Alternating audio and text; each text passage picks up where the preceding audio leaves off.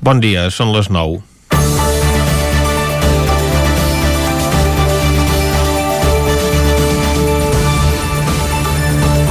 Una de les sorpreses del cap de setmana ha estat el cessament immediat de la producció a la fàbrica de General Cable a Manlleu.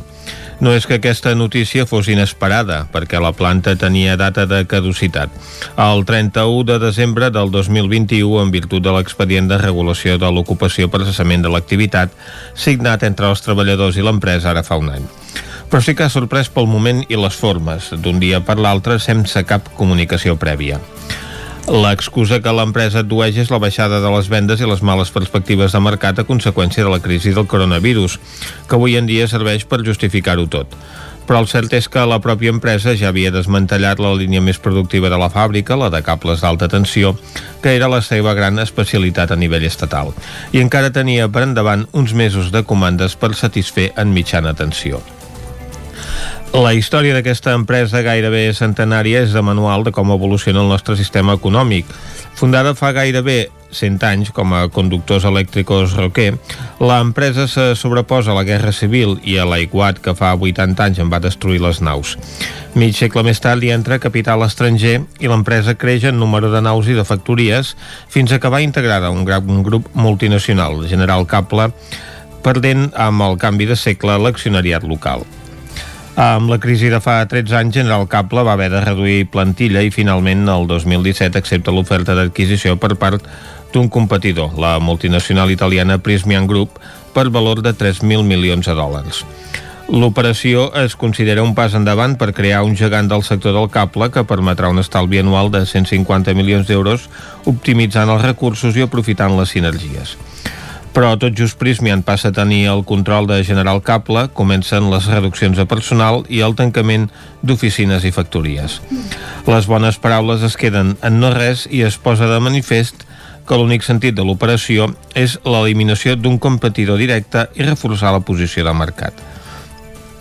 És el model de capitalisme salvatge que Espanya empara amb la reforma laboral del PP, que facilita el tancament d'empreses, tot i que, com és el cas que ens ocupa, generin beneficis. Catalunya perd una empresa estratègica de referència perquè no n'hi ha cap més que faci cables d'alta tensió i l'estat espanyol assumeix els costos laborals del tancament en forma de prestacions d'atur i jubilacions anticipades. Encara que les indemnitzacions acordades estiguin molt per sobre dels mínims establerts per la legislació, la responsabilitat social corporativa d'una empresa històrica com aquesta avui en dia queda en no res. Avui en parlarem de la situació d'aquesta empresa al territori 17 que comença tot seguit a la sintonia del 9 FM, la veu de Sant Joan, Ona Codinenca, Ràdio Cardedeu i el 9 TV. Territori 17, amb Vicenç Vigues i Jordi Sunyer. Són les 9 i 3 minuts del dimarts, dia 3 de novembre de 2020. Comença aquí un nou Territori 17 que avui, durant la primera hora, us acostarà tota l'actualitat de les nostres comarques. Després, a partir de les 10, les seccions habituals dels dimarts. Avui tindrem el Buscat la Vida amb la Xiala Falgueres, parlarem d'economia amb el Joan Carles Arredondo i acabarem fent un balanç meteorològic del mes d'octubre. Ho farem acompanyats de Manel Dot. I ara sí que el que farem, com fem sempre, és arrencar tot posant-vos al dia de l'actualitat de les nostres comarques, les comarques del Ripollès, Osona, el Moianès i el Vallès Oriental. Amb una mitjana de 12 ingressos diaris, l'Hospital Universitari de Vic ha obert la segona unitat de cures intensives. Amb els 10 llits de la unitat ocupats des de fa dies, divendres el Consorci Hospitalari de Vic va decidir obrir més llits d'UCI. Segons Rosa Maria Morral, directora assistencial del Consorci, la posada en marxa d'aquesta segona unitat, on actualment hi ha 4 pacients més en estat crític, ja ha sacsejat l'activitat regular dels centres i pot comportar la reprogramació d'operacions i proves complementàries.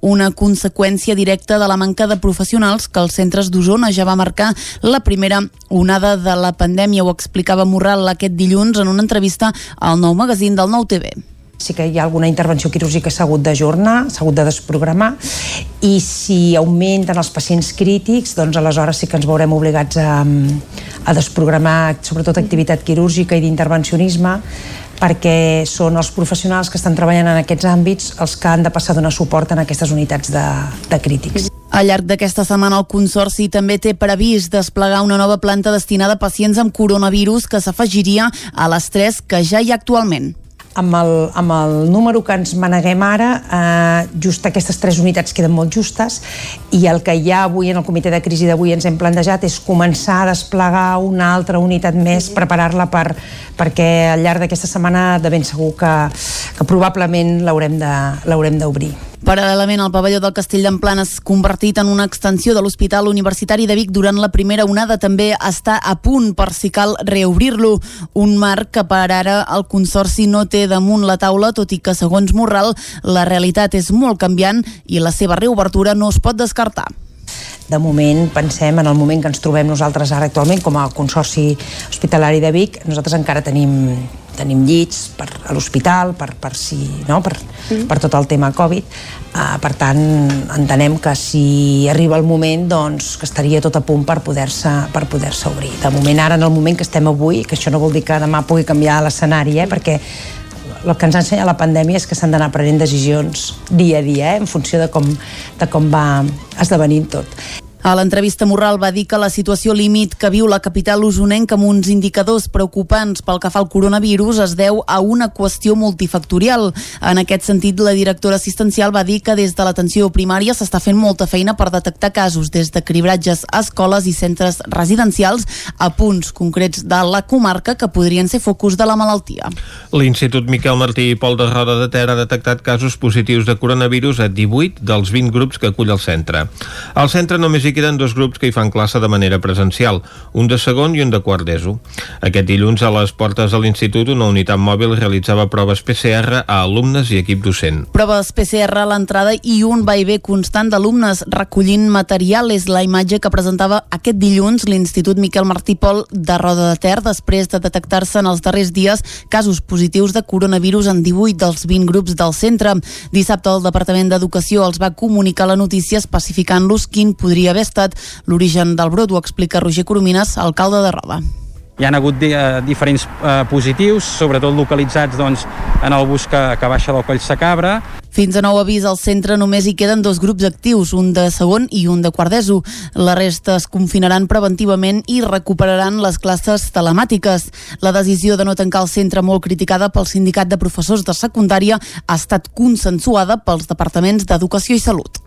Nosaltres com, com a Ajuntament doncs, eh, donar ple suport al, al Departament d'Ensenyament i de Sanitat que en base en les dades eh, que tenen doncs, prenen les millors decisions possibles i en aquest sentit doncs, agrair perquè hi ha hagut comunicació permanent fluida doncs, del Departament d'Ensenyament per anar-nos avisant eh, de, dels passos que es anaven seguint, així com la direcció de, de l'institut, donar-los a ple suport i agrair-los la tasca que estan fent en aquests moments tan complicats. Roger Coromines assegura que la situació de l'institut és crítica però que no es pot extrapolar a la resta del municipi. No obstant això demana als veïns i veïnes que extremin les mesures per reduir contagis. El govern va allargar 15 dies més la normativa del tancament de la restauració. Una normativa greujada pel toc de queda que fa que molts bars i restaurants de Cardedeu no puguin oferir menú o servei a domicili. David Oladell, de Ràdio Ràdio Televisió Cardedeu. Un dels principals problemes és que el tancament de bars i restaurants no només afecta el comerç, sinó que genera un efecte dòmino per tots aquells productors, ja sigui de formatges, vins, fruita, verdura, carn o peix, que es veuen afectats. I més quan les comandes continuen, però, per exemple, es demana un sol producte com una carbassa o una col. Gemma Laborda, de la Guingueta del Pompeu. La nostra experiència aquests 15 dies ha sigut, ha sigut estranya. Primer hi ha hagut un primer moment de, de ràbia perquè per haver fet les coses ben fetes la recompensa ha sigut el tancament, cosa que molts hostalers i molta gent de, de la restauració eh, hem tingut aquest, aquest problema i eh, aquesta sensació, però un cop superat això hem decidit eh, fer menjar per emportar i la veritat és que hi ha hagut uh, un bon col·lectiu que uh, és molt sensible a aquesta problemàtica que tenim des de restaurants i hi ha gent que es dedica doncs, a mica en mica fent-se comandes a diferents bars i restaurants de Cardedeu per, per poder sobreviure i per donar-nos un cop de mà, que això ho agraïm moltíssim. Molts bars i restaurants estan subsistint gràcies als encàrrecs de menjar per emportar, però temen que si la situació continua igual, les comandes baixin i algun que altre comerç hagi de tancar les seves portes per A Osona, les noves restriccions i les mesures que implica el confinament de cap de setmana majoritàriament s'han respectat. La imatge de la C-17 pràcticament buida és una de les que millor il·lustra la reducció de la mobilitat que hi ha hagut aquest cap de setmana, el primer de confinament perimetral per municipis. També ho evidenciava una tranquil·litat inèdita aquestes últimes setmanes a Collformic, un dels punts del Parc Natural del Montseny afectat per la massificació dels darrers mesos i on la setmana passada s'havien començat a aplicar restriccions d'accés a vehicles vehicles. Tot i així, el control que els Mossos van situar al Brull dissabte al matí van sancionar mitja dotzena de persones que infringien el confinament. També hi ha hagut menys ocupació a Gurb, a l'entorn del Turó de la Creu i del Bosc Encantat, espais que també s'havien desbordat els caps de setmana. Havíem de pujar amb els nens algun dia i hem decidit avui sí. per això, perquè hem pensat avui hi haurà menys gent en teoria i sí. És una excursió que fem habitualment i nosaltres sortim des de Vic, sempre des de Vic, perquè des d'aquí és que ja era un col·lapse, un embús. La gent que viu a ciutat entén que busqui sortir tant sí com no, perquè estar en un pis no és el mateix que el privilegi que tenim nosaltres. Però, és clar hem de ser conscients de que la cosa s'ha de respectar. Fins a Sau, fins a Cabrera, fins a Bellmunt, eh, sortir una mica més a fora d'aquí que ja hi soc molt sovint. I clar que afecta, però bueno, és el que toca fer que les restriccions es respectessin és una de les conseqüències que s'esperava de la compareixença la setmana passada de les autoritats sanitàries de la comarca que van assegurar que la situació de pandèmia a Osona està posant al límit als centres hospitalaris. El risc de rebrot i la taxa de propagació del coronavirus al Ripollès continua baixant. Isaac Muntades, des de la veu de Sant Joan.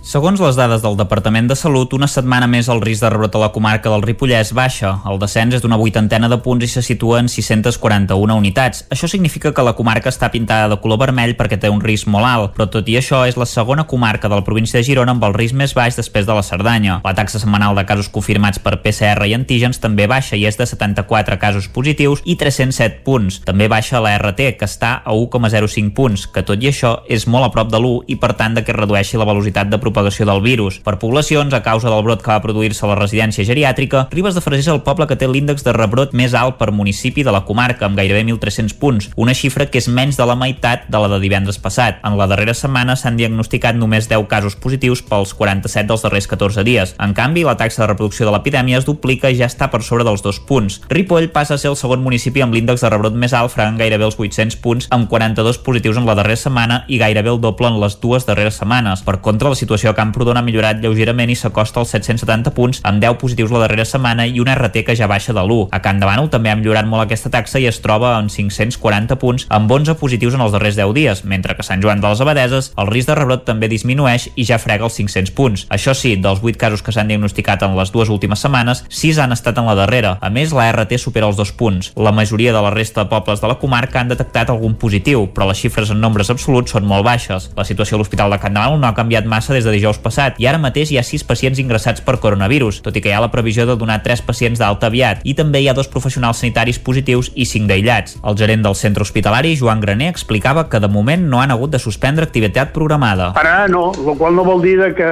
depèn de com tinguem això, depèn de com tinguem eh, la disponibilitat de llits.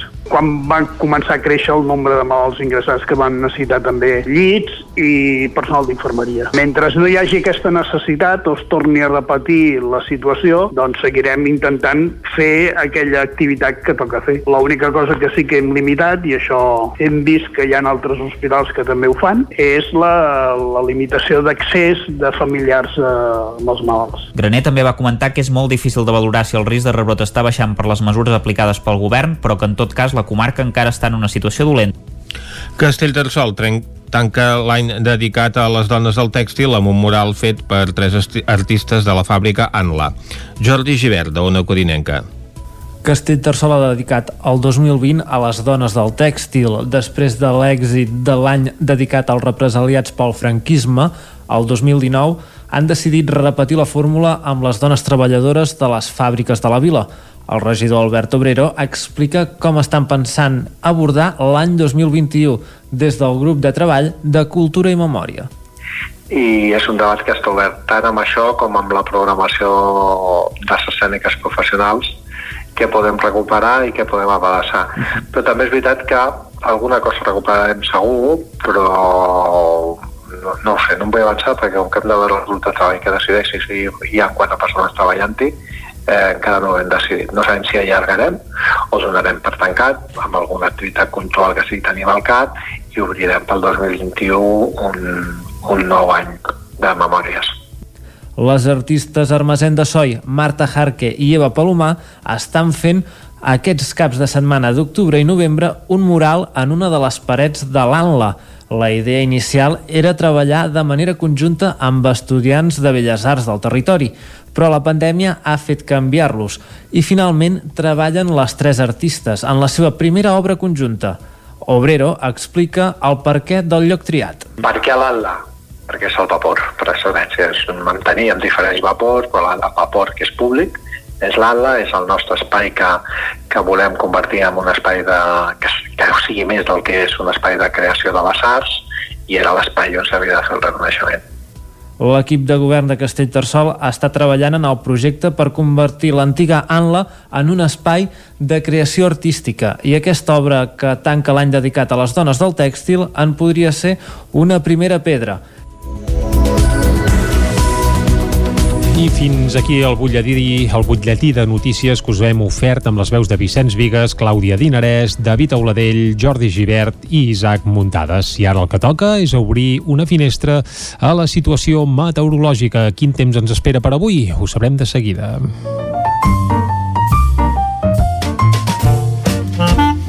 Casa Terradellos us ofereix el temps. Doncs vinga, avui ens hem llevat amb un dia tapadot i el Pep Acosta ens explicarà de seguida si acabarà amb pluja o no. Pep, molt bon dia. Hola, molt bon dia, Bon dia, bon companys dia. del programa. Mm -hmm. Bon dia, amics oients. Què tal esteu? Bé, anar fent, anar Avui, fent. per fi, dia de canvi, dia de pertorbació, mm -hmm. uh, ingredients meteorològics, i era hora que canviés una mica el panorama, uh, les peces es van movent, i es va acostant un front. Mm -hmm. I a aquesta hora tenim una mica de, de núvols, sí. i les temperatures ja van baixant. No hi ha gairebé, mm, podríem dir que està desapareixent la inversió tèrmica. Les temperatures han pujat a les valls, per exemple, cap al Pana Vic estan entre els 9 i els 10 graus, i han baixat cap a alta muntanya. Ja tenim valors de muntanya de 3, 4, 5 graus, i estan començant a baixar. No en picat, però sí que mica en mica aniran baixant, eh, sobretot a les zones d'alta muntanya les temperatures.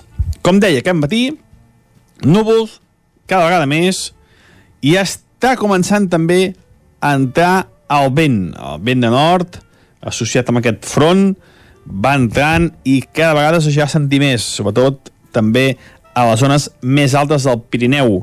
Aquest vent farà que totes les boirines, boires aquests dies desapareixin, eh, no en quedi ni una, perquè de seguida que bufi el vent se les emportarà.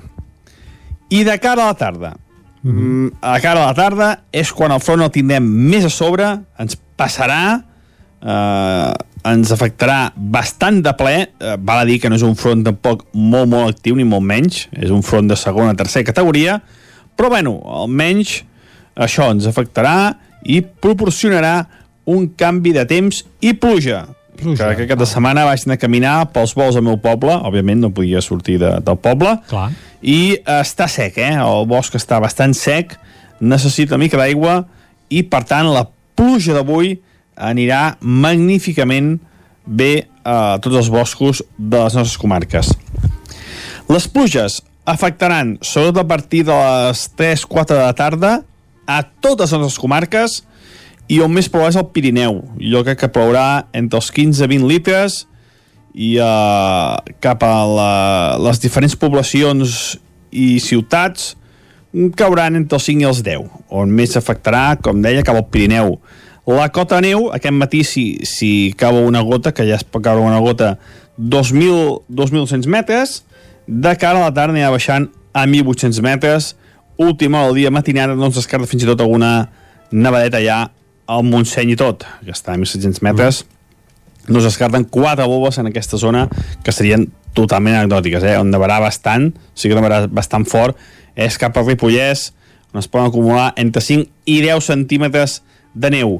Les temperatures a la tarda baixaran, eh, si ahir les màximes encara 23-24 graus, avui ja gairebé cap valor superarà els 20 graus de màxima, on més baixaran alta muntanya, entrarà el vent, sobretot de cara a la tarda es, deix, es deixar sentir més, al matí hi ha una mica, però a la tarda més, entre els 50, 60, 70 km per hora de cop màxims cap als cims de les muntanyes. I això és tot. Avui a disfrutar aquest front que ens passa per sobre. Mm, Ja dic, no serà molt actiu, però per fi significarà un canvi de tendència, un canvi de dinàmica i mm -hmm. tindrem pluja, fred i una mica de vent. Moltes gràcies, fins demà. Vinga, Adéu. Pep, moltes gràcies i ens quedem amb aquest concepte, eh? disfrutar quan ens passa un front per sobre. Farem el que podrem. Fa, fa gràcia el Pep, eh? Va, ara el que toca per això és anar cap al quiosc, que encara no plou, per tant hi podem anar fins i tot sense paraigua. Anem-hi. Casa Tarradellas us ha ofert aquest espai. Territori 17 Avui les portades dels diaris venen capitalitzades per aquestes eleccions que hi ha als Estats Units, Clàudia. Doncs exactament, molt, molt pendents de què passa als Estats Units. Comencem amb el repàs de portades, com sempre ho fem amb les portades catalanes, concretament amb el punt avui que diu lluny de l'objectiu, baixa el risc de rebrot, però hi ha més morts i més malalts a la UCI. Setmana decisiva per evitar, diu, un confinament domiciliari. A la imatge ja veiem el món, diu, pendent del duel Trump-Biden. Els nord-americans viuen avui una jornada electoral plena de tensió i d'incertesa. Una de les notícies del dia és aquesta cadena d'atemptats a Viena amb almenys dos morts. Eh, diria que a primera hora del matí l'actualització ja pujava a quatre víctimes mortals. La Fiscalia, un altre titular contra el tercer grau de Bassa i de Forcadell. Anem al diari Ara, que diu Amèrica vota trencada.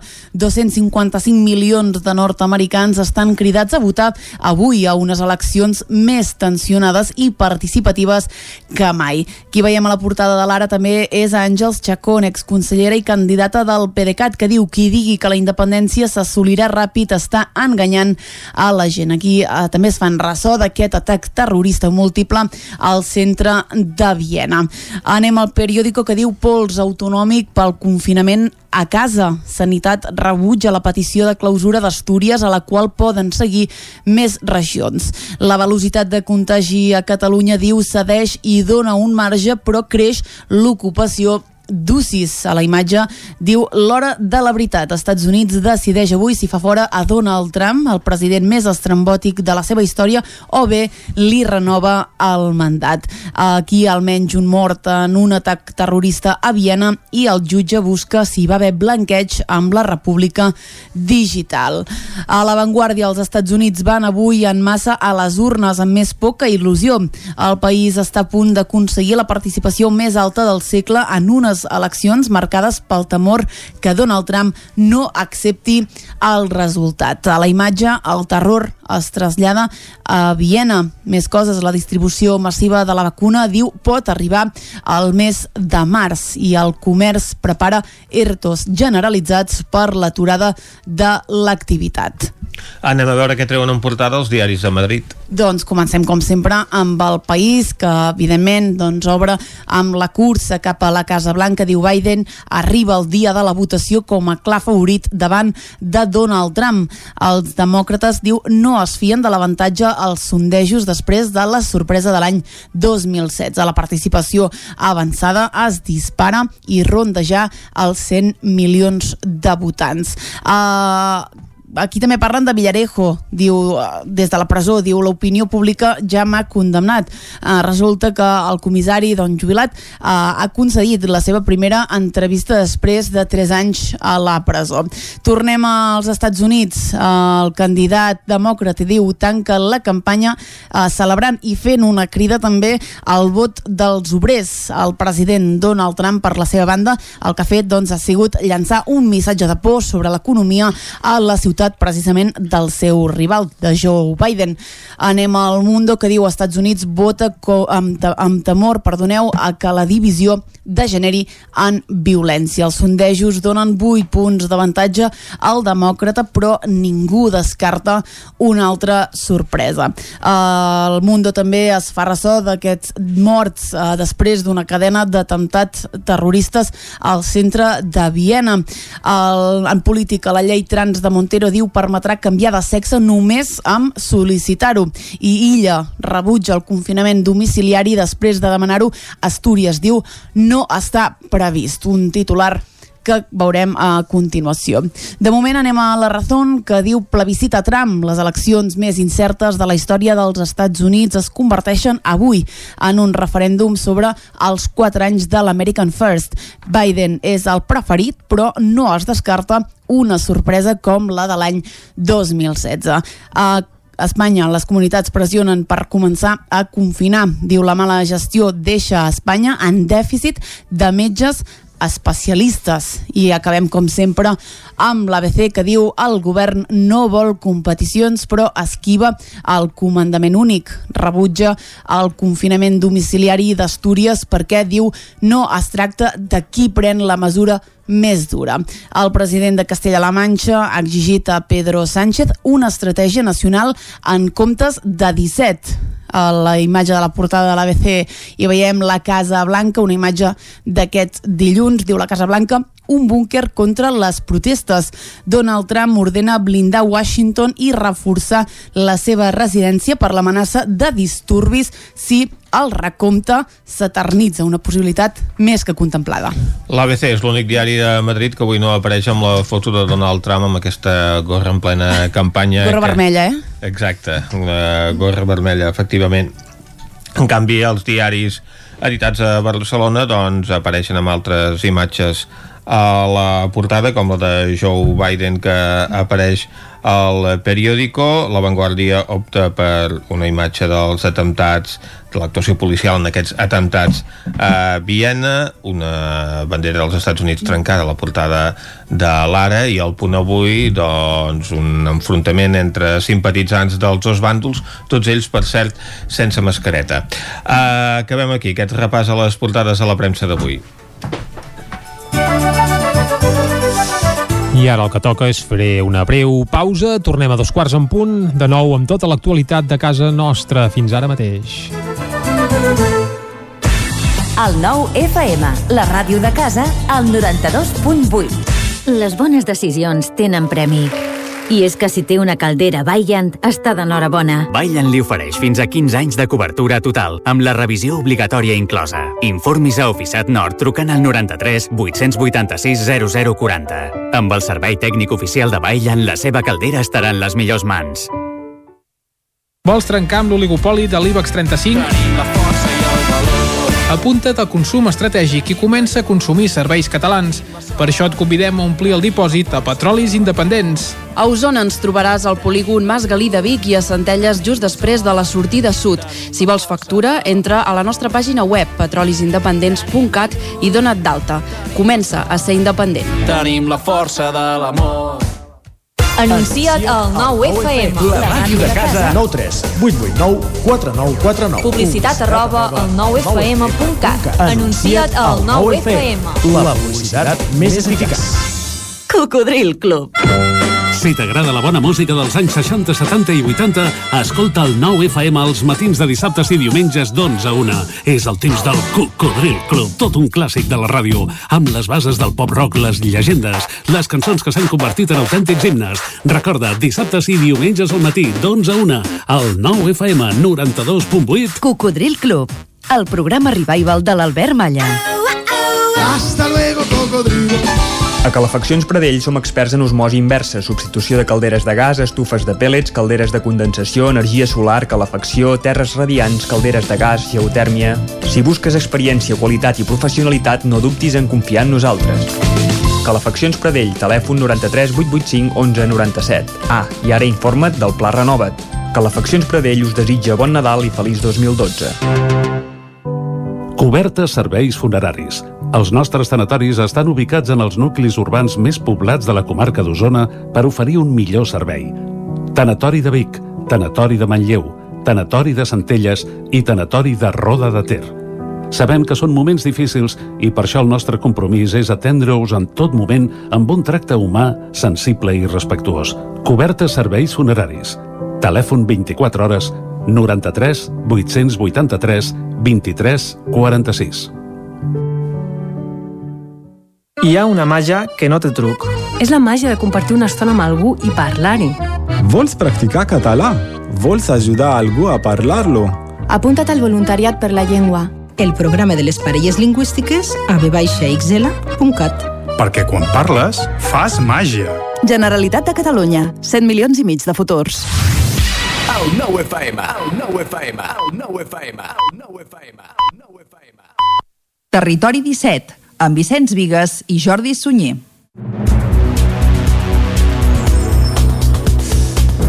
Són dos quarts de deu en punt del dimarts, dia 3 de novembre de 2020. Seguim aquí en directe a Territori 17 i el que toca ara és acostar-vos de nou tota l'actualitat de les nostres comarques. Ja ho sabeu, les comarques del Ripollès, Osona, el Moianès i el Vallès Oriental.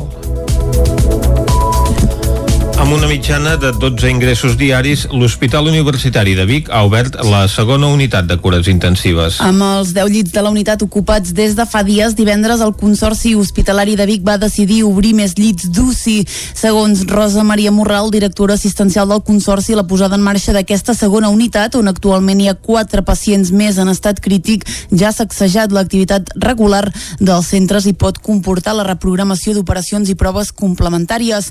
Una conseqüència directa de la manca de professionals que els centres d'Osona ja va marcar la primera onada de la pandèmia. Ho explicava Morral aquest dilluns en una entrevista al nou magazín del Nou TV sí que hi ha alguna intervenció quirúrgica s'ha hagut d'ajornar, s'ha hagut de desprogramar i si augmenten els pacients crítics, doncs aleshores sí que ens veurem obligats a, a desprogramar sobretot activitat quirúrgica i d'intervencionisme perquè són els professionals que estan treballant en aquests àmbits els que han de passar a donar suport en aquestes unitats de, de crítics. Al llarg d'aquesta setmana el Consorci també té previst desplegar una nova planta destinada a pacients amb coronavirus que s'afegiria a les tres que ja hi ha actualment amb el, amb el número que ens maneguem ara, eh, just aquestes tres unitats queden molt justes i el que ja avui en el comitè de crisi d'avui ens hem plantejat és començar a desplegar una altra unitat més, preparar-la per, perquè al llarg d'aquesta setmana de ben segur que, que probablement l'haurem d'obrir. Paral·lelament, el pavelló del Castell d'Emplanes, convertit en una extensió de l'Hospital Universitari de Vic durant la primera onada, també està a punt per si cal reobrir-lo. Un marc que per ara el Consorci no té damunt la taula, tot i que, segons Morral, la realitat és molt canviant i la seva reobertura no es pot descartar de moment pensem en el moment que ens trobem nosaltres ara actualment com a Consorci Hospitalari de Vic nosaltres encara tenim tenim llits per, a l'hospital per, per, si, no? per, mm. per tot el tema Covid uh, per tant entenem que si arriba el moment doncs que estaria tot a punt per poder-se per poder-se obrir. De moment ara en el moment que estem avui, que això no vol dir que demà pugui canviar l'escenari, eh? perquè el que ens ensenya la pandèmia és que s'han d'anar prenent decisions dia a dia, eh, en funció de com, de com va esdevenint tot. A l'entrevista Morral va dir que la situació límit que viu la capital usonenca amb uns indicadors preocupants pel que fa al coronavirus es deu a una qüestió multifactorial. En aquest sentit, la directora assistencial va dir que des de l'atenció primària s'està fent molta feina per detectar casos des de cribratges a escoles i centres residencials a punts concrets de la comarca que podrien ser focus de la malaltia. L'Institut Miquel Martí i Pol de Roda de Ter ha detectat casos positius de coronavirus a 18 dels 20 grups que acull el centre. Al centre només hi queden dos grups que hi fan classe de manera presencial, un de segon i un de quart d'ESO. Aquest dilluns a les portes de l'institut una unitat mòbil realitzava proves PCR a alumnes i equip docent. Proves PCR a l'entrada i un va i ve constant d'alumnes recollint material és la imatge que presentava aquest dilluns l'Institut Miquel Martí Pol de Roda de Ter després de detectar-se en els darrers dies casos positius de coronavirus en 18 dels 20 grups del centre. Dissabte el Departament d'Educació els va comunicar la notícia especificant-los quin podria haver haver estat l'origen del brot, ho explica Roger Coromines, alcalde de Roda. Hi han hagut eh, diferents eh, positius, sobretot localitzats doncs, en el bus que, que baixa del Coll Sacabra. Fins a nou avís al centre només hi queden dos grups actius, un de segon i un de quart d'ESO. La resta es confinaran preventivament i recuperaran les classes telemàtiques. La decisió de no tancar el centre molt criticada pel sindicat de professors de secundària ha estat consensuada pels departaments d'Educació i Salut. Nosaltres com, com a Ajuntament doncs, eh, donar ple suport al, al Departament d'Ensenyament i de Sanitat que en base en les dades eh, que tenen doncs, prenen les millors decisions possibles i en aquest sentit doncs, agrair perquè hi ha hagut comunicació permanent fluida doncs, del Departament d'Ensenyament per anar-nos avisant eh, de, dels passos que es anaven seguint, així com la direcció de, de l'Institut, donar-los ple suport i agrair-los la tasca que estan fent en aquests moments tan complicats. Roger Coromines assegura que la situació de l'institut és crítica però que no es pot extrapolar a la resta del municipi. No obstant això demana als veïns i veïnes que extremin les mesures per reduir contagis. El govern va allargar 15 dies més la normativa del tancament de la restauració. Una normativa greujada pel toc de queda que fa que molts bars i restaurants de Cardedeu no puguin oferir menú o servei a domicili. David Oladell, de Ràdio Televisió Cardedeu. Un dels principals problemes és que el tancament de bars i restaurants no només afecta el comerç, sinó que genera un efecte dòmino per tots aquells productors, ja sigui de formatges, vins, fruita, verdura, carn o peix, que es veuen afectats i més quan les comandes continuen, però, per exemple, es demana un sol producte com una carbassa o una col. Gemma Laborda, de la Guingueta del Pompeu. La nostra experiència aquests 15 dies ha sigut, ha sigut estranya. Primer hi ha hagut un primer moment de, de ràbia perquè per haver fet les coses ben fetes la recompensa ha sigut el tancament, cosa que molts hostalers i molta gent de, de la restauració eh, hem tingut aquest, aquest problema i eh, aquesta sensació, però un cop superat això hem decidit eh, fer menjar per emportar i la veritat és que hi ha hagut uh, un bon col·lectiu que uh, és molt sensible a aquesta problemàtica que tenim des de restaurants i hi ha gent que es dedica doncs, a mica en mica fent-se comandes a diferents bars i restaurants de Cardedeu per, per poder sobreviure i per donar-nos un cop de mà, que això ho agraïm moltíssim. Molts bars i restaurants estan subsistint gràcies als encàrrecs de menjar per emportar, però temen que si la situació continua igual, les comandes baixin i algun que altre comerç hagi de tancar les seves portes per a Osona, les noves restriccions i les mesures que implica el confinament de cap de setmana majoritàriament s'han respectat. La imatge de la C-17 pràcticament buida és una de les que millor il·lustra la reducció de la mobilitat que hi ha hagut aquest cap de setmana, el primer de confinament perimetral per municipis. També ho evidenciava una tranquil·litat inèdita aquestes últimes setmanes a Collformic, un dels punts del Parc Natural del Montseny afectat per la massificació dels darrers mesos i on la setmana passada s'havien començat a aplicar restriccions d'accés a vehicles vehicles. Tot i així, el control que els Mossos van situar al Brull dissabte al matí van sancionar mitja dotzena de persones que infringien el confinament. També hi ha hagut menys ocupació a Gurb, a l'entorn del Turó de la Creu i del Bosc Encantat, espais que també s'havien desbordat els caps de setmana. Havíem de pujar amb els nens algun dia i hem decidit avui sí. per això, perquè hem pensat avui hi haurà menys gent en teoria i sí. És una excursió que fem habitualment i nosaltres sortim des de Vic, sempre des de Vic, perquè des d'aquí és que ja era un col·lapse, un embús. La gent que viu a ciutat entén que busqui sortir tant sí com no, perquè estar en un pis no és el mateix que el privilegi que tenim nosaltres. Però, esclar, hem de ser conscients de que la cosa s'ha de respectar. Fins a Sau, fins a Cabrera, fins a Bellmunt, eh, sortir una mica més a fora d'aquí que ja hi sóc molt sovint i clar que afecta, però bueno, és el que toca fer que les restriccions es respectessin és una de les conseqüències que s'esperava de la compareixença la setmana passada de les autoritats sanitàries de la comarca que van assegurar que la situació de pandèmia a Osona està posant al límit als centres hospitalaris. El risc de rebrot i la taxa de propagació del coronavirus al Ripollès continua baixant. Isaac Muntades, des de la veu de Sant Joan. Segons les dades del Departament de Salut, una setmana més el risc de rebrot a la comarca del Ripollès baixa. El descens és d'una vuitantena de punts i se situa en 641 unitats. Això significa que la comarca està pintada de color vermell perquè té un risc molt alt, però tot i això és la segona comarca de la província de Girona amb el risc més baix després de la Cerdanya. La taxa setmanal de casos confirmats per PCR i antígens també baixa i és de 74 casos positius i 307 punts. També baixa la RT, que està a 1,05 punts, que tot i això és molt a prop de l'1 i per tant de que redueixi la velocitat de propagació propagació del virus. Per poblacions, a causa del brot que va produir-se a la residència geriàtrica, Ribes de Freser és el poble que té l'índex de rebrot més alt per municipi de la comarca, amb gairebé 1.300 punts, una xifra que és menys de la meitat de la de divendres passat. En la darrera setmana s'han diagnosticat només 10 casos positius pels 47 dels darrers 14 dies. En canvi, la taxa de reproducció de l'epidèmia es duplica i ja està per sobre dels dos punts. Ripoll passa a ser el segon municipi amb l'índex de rebrot més alt, fregant gairebé els 800 punts, amb 42 positius en la darrera setmana i gairebé el doble en les dues darreres setmanes. Per contra, la situació situació a Camprodon ha millorat lleugerament i s'acosta als 770 punts, amb 10 positius la darrera setmana i una RT que ja baixa de l'1. A Can Bànol també ha millorat molt aquesta taxa i es troba en 540 punts, amb 11 positius en els darrers 10 dies, mentre que Sant Joan de les Abadeses el risc de rebrot també disminueix i ja frega els 500 punts. Això sí, dels 8 casos que s'han diagnosticat en les dues últimes setmanes, 6 han estat en la darrera. A més, la RT supera els dos punts. La majoria de la resta de pobles de la comarca han detectat algun positiu, però les xifres en nombres absoluts són molt baixes. La situació a l'Hospital de Can Bànol no ha canviat massa des des de dijous passat i ara mateix hi ha 6 pacients ingressats per coronavirus, tot i que hi ha la previsió de donar 3 pacients d'alta aviat i també hi ha dos professionals sanitaris positius i 5 d'aïllats. El gerent del centre hospitalari, Joan Graner, explicava que de moment no han hagut de suspendre activitat programada. Ara no, el qual no vol dir que depèn de com tinguem això, depèn de com tinguem la, eh, la disponibilitat de llits. Quan van començar a créixer el nombre de malalts ingressats que van necessitar també llits i personal d'infermeria. Mentre no hi hagi aquesta necessitat o es torni a repetir la situació, doncs seguirem intentant fer aquella activitat que toca fer. L'única cosa que sí que hem limitat, i això hem vist que hi ha altres hospitals que també ho fan, és la, la limitació d'accés de familiars eh, amb els malalts. Graner també va comentar que és molt difícil de valorar si el risc de rebrot està baixant per les mesures aplicades pel govern, però que en tot cas la comarca encara està en una situació dolenta.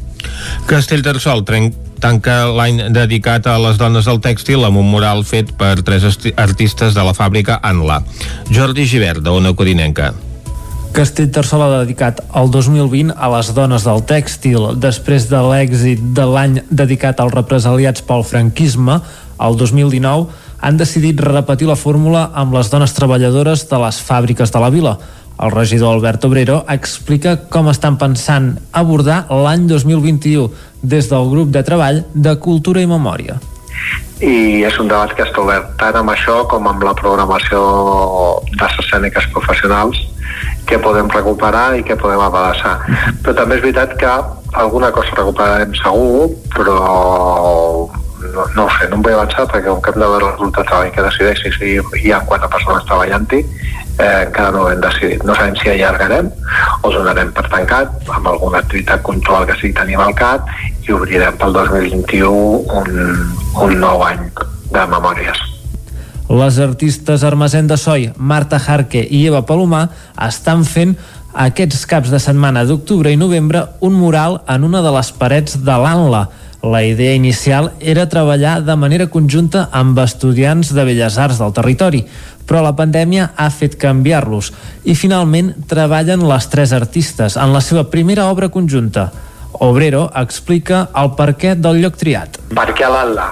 Perquè és el vapor, per excel·lència. Amb diferents vapors, però el vapor que és públic, és l'Atla, és el nostre espai que, que volem convertir en un espai de, que, que sigui més del que és un espai de creació de les arts i era l'espai on s'havia de fer el reconeixement. L'equip de govern de Castellterçol està treballant en el projecte per convertir l'antiga Anla en un espai de creació artística i aquesta obra que tanca l'any dedicat a les dones del tèxtil en podria ser una primera pedra. I fins aquí el butlletí, el butlletí de notícies que us hem ofert amb les veus de Vicenç Vigues, Clàudia Dinarès, David Auladell, Jordi Givert i Isaac Muntades. I ara el que toca és obrir una finestra a la situació meteorològica. Quin temps ens espera per avui? Ho sabrem de seguida.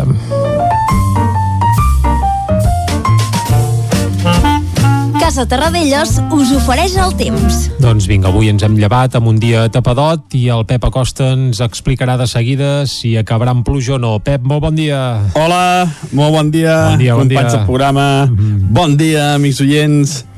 Què tal esteu? Bé, anar fent, Avui, anar fent. per fi, dia de canvi, dia de pertorbació, uh -huh. uh, ingredients meteorològics, i era hora que canviés una mica el panorama, uh, les peces es van movent i es va acostant un front. Uh -huh. I a aquesta hora tenim una mica de, de núvols sí. i les temperatures ja van baixant. No hi ha gairebé, mm, podríem dir que està desapareixent la inversió tèrmica. Les temperatures han pujat a les valls, per exemple, cap al Pana de Vic estan entre els 9 i els 10 graus, i han baixat cap a alta muntanya. Ja tenim valors d'alta muntanya de 3, 4, 5 graus, i estan començant a baixar, no en picat, però sí que mica en mica aniran baixant, eh, sobretot a les zones d'alta muntanya les temperatures. Com deia aquest matí, núvols cada vegada més i està començant també a entrar el vent, el vent de nord, associat amb aquest front, va entrant i cada vegada ja sentir més, sobretot també a les zones més altes del Pirineu. Aquest vent farà que totes les boirines, boires aquests dies desapareixin, eh, no en quedi ni una, perquè de seguida que bufi el vent se les emportarà. I de cara a la tarda, mm, a cara a la tarda és quan el front el tindrem més a sobre, ens passarà, eh, ens afectarà bastant de ple, eh, val a dir que no és un front tampoc molt, molt actiu, ni molt menys, és un front de segona, tercera categoria, però bueno, almenys això ens afectarà i proporcionarà un canvi de temps i pluja. pluja. Que aquesta setmana vaig anar a caminar pels vols al meu poble, òbviament no podia sortir de, del poble, Clar. i eh, està sec, eh? El bosc està bastant sec, necessita una mica d'aigua i, per tant, la pluja d'avui anirà magníficament bé a tots els boscos de les nostres comarques.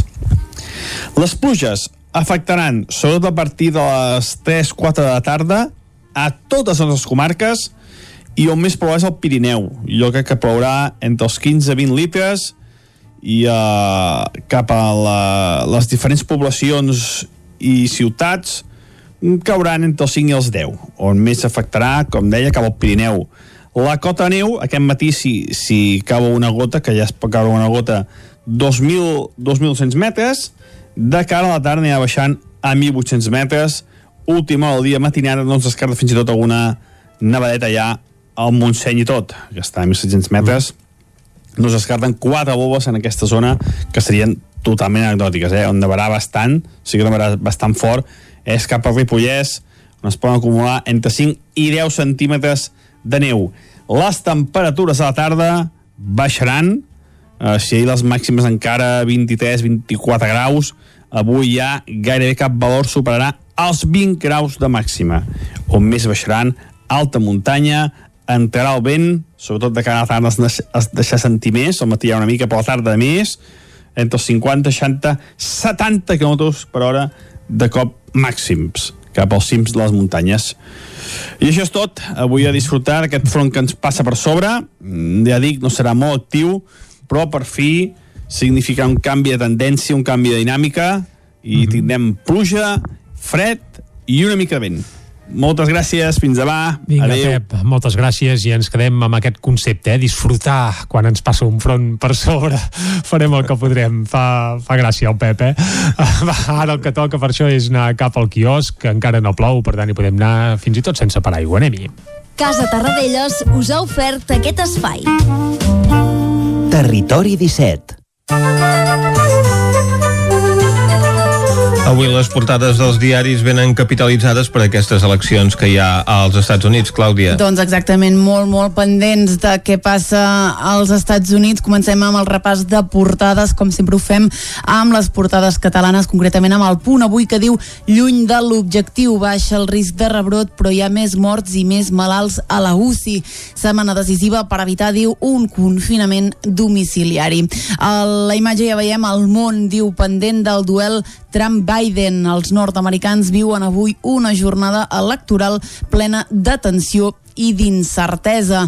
Una de les notícies del dia és aquesta cadena d'atemptats a Viena amb almenys dos morts. Eh, diria que a primera hora del matí l'actualització ja pujava a quatre víctimes mortals. La Fiscalia, un altre titular contra el tercer grau de Bassa i de Forcadell. Anem al diari ara que diu Amèrica vota trencada. 255 milions de nord-americans estan cridats a votar avui a unes eleccions més tensionades i participatives que mai. Qui veiem a la portada de l'Ara també és Àngels Chacón, exconsellera i candidata del PDeCAT, que diu qui digui que la independència s'assolirà ràpid està enganyant a la gent. Aquí eh, també es fan ressò d'aquest atac terrorista múltiple al centre de Viena. Anem al periòdico que diu pols autonòmic pel confinament a casa. Sanitat rebutja la petició de clausura d'Astúries a la qual poden seguir més regions. La velocitat de contagi a Catalunya diu cedeix i dona un marge però creix l'ocupació d'UCIS a la imatge diu l'hora de la veritat. Estats Units decideix avui si fa fora a Donald Trump, el president més estrambòtic de la seva història, o bé li renova el mandat. Aquí almenys un mort en un atac terrorista a Viena i el jutge busca si va haver blanqueig amb la República Digital. A l'avantguàrdia, els Estats Units van avui en massa a les urnes amb més poca il·lusió. El país està a punt d'aconseguir la participació més alta del segle en unes eleccions marcades pel temor que Donald Trump no accepti el resultat. A la imatge, el terror es trasllada a Viena. Més coses, la distribució massiva de la vacuna, diu, pot arribar al mes de març i el comerç prepara ERTOs generalitzats per l'aturada de l'activitat. Anem a veure què treuen en portada els diaris de Madrid. Doncs comencem com sempre amb el país que evidentment doncs, obre amb la cursa cap a la Casa Blanca diu Biden arriba el dia de la votació com a clar favorit davant de Donald Trump. Els demòcrates diu no es fien de l'avantatge als sondejos després de la sorpresa de l'any 2016. La participació avançada es dispara i ronda ja els 100 milions de votants. Uh, aquí també parlen de Villarejo, diu, eh, des de la presó, diu, l'opinió pública ja m'ha condemnat. Uh, resulta que el comissari, don jubilat, uh, ha concedit la seva primera entrevista després de 3 anys a la presó. Tornem als Estats Units. Uh, el candidat demòcrata diu tanca la campanya uh, celebrant i fent una crida també al vot dels obrers. El president Donald Trump, per la seva banda, el que ha fet doncs, ha sigut llançar un missatge de por sobre l'economia a la ciutat ciutat precisament del seu rival, de Joe Biden. Anem al Mundo que diu Estats Units vota amb, amb temor perdoneu, a que la divisió degeneri en violència. Els sondejos donen 8 punts d'avantatge al demòcrata, però ningú descarta una altra sorpresa. El Mundo també es fa ressò d'aquests morts uh, després d'una cadena d'atemptats terroristes al centre de Viena. El, en política, la llei trans de Montero diu permetrà canviar de sexe només amb sol·licitar-ho. I Illa rebutja el confinament domiciliari després de demanar-ho. Astúries diu no està previst. Un titular que veurem a continuació. De moment anem a la raó que diu plebiscita Trump. Les eleccions més incertes de la història dels Estats Units es converteixen avui en un referèndum sobre els quatre anys de l'American First. Biden és el preferit, però no es descarta una sorpresa com la de l'any 2016. Uh, Espanya, les comunitats pressionen per començar a confinar. Diu la mala gestió deixa a Espanya en dèficit de metges especialistes i acabem com sempre amb l'ABC que diu el govern no vol competicions però esquiva el comandament únic rebutja el confinament domiciliari d'Astúries perquè diu no es tracta de qui pren la mesura més dura. El president de Castella-La Manxa ha exigit a Pedro Sánchez una estratègia nacional en comptes de 17 a la imatge de la portada de l'ABC i veiem la Casa Blanca, una imatge d'aquest dilluns, diu la Casa Blanca, un búnquer contra les protestes. Donald Trump ordena blindar Washington i reforçar la seva residència per l'amenaça de disturbis si el recompte s'eternitza, una possibilitat més que contemplada. L'ABC és l'únic diari de Madrid que avui no apareix amb la foto de Donald Trump amb aquesta gorra en plena campanya. Gorra que... vermella, eh? Exacte, la gorra vermella, efectivament. En canvi, els diaris editats a Barcelona doncs apareixen amb altres imatges a la portada, com la de Joe Biden que apareix al periòdico. La Vanguardia opta per una imatge dels atemptats, de l'actuació policial en aquests atemptats a Viena, una bandera dels Estats Units trencada a la portada de l'Ara i al punt avui doncs, un enfrontament entre simpatitzants dels dos bàndols, tots ells, per cert, sense mascareta. Uh, acabem aquí, aquest repàs a les portades de la premsa d'avui. Doncs vinga, després del repàs a les portades de la premsa, toca obrir la pàgina musical. Ho farem fins al punt de les 10 i avui, Vicenç, portem algunes de les peces finalistes del certamen Terra i Cultura uh -huh. 2020, Premi Miquel Martí Pol. El títol de, del premi aquest és, és, una, és mica, una mica complicat, no? Una mica complicat, perquè ens entenguem, és el premi aquell d'en Lluís Llach. El premi aquell d'en Lluís Llach. és a dir, el certamen Terra i Cultura fa 13 edicions que es lliura. És un certamen apadrinat pel celler Batllac, el celler de Lluís Llach, aquell, un vi molt aconsellable, però vaja, això seria un altre tema. S'otorga des de fa 30 anys i en teoria es premia a la millor cançó eh, d'un poema musicat en llengua catalana. És a dir, de tot el que s'ha editat durant l'any 2020 eh, en llengua catalana i eh, que prové d'un poema, ja sigui d'un autor viu o, o mort, això és indiferent, doncs s'escull, eh, en teoria, el millor. Això hi ha un, jurat, un jurat que se n'encarrega de, de fer aquesta tria, el jurat hi ha Lluís Llach i altra gent, i de moment ja hi ha els cinc primers finalistes. -huh. Avui n'escoltarem un parell, si et sembla. I començarem escoltant a uh, Feliu Ventura, amb Carai. la cançó Sàpigues company, amb lletra de Pere Quart, un ballesà, i la cançó sona, sona així.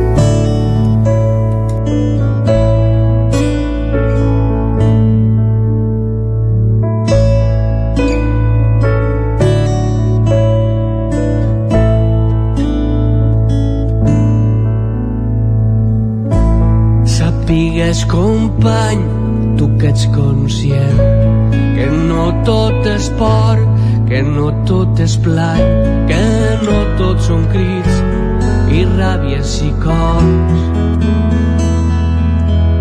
Ni desig d'amor, ni amor compartit.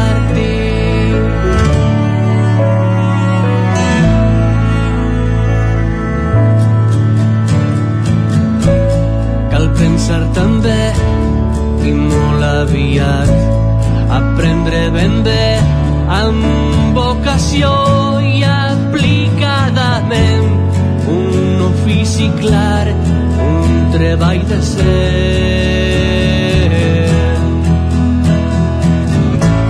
Company, cal servir segons els teus dons, sense vanitat, sinó que seràs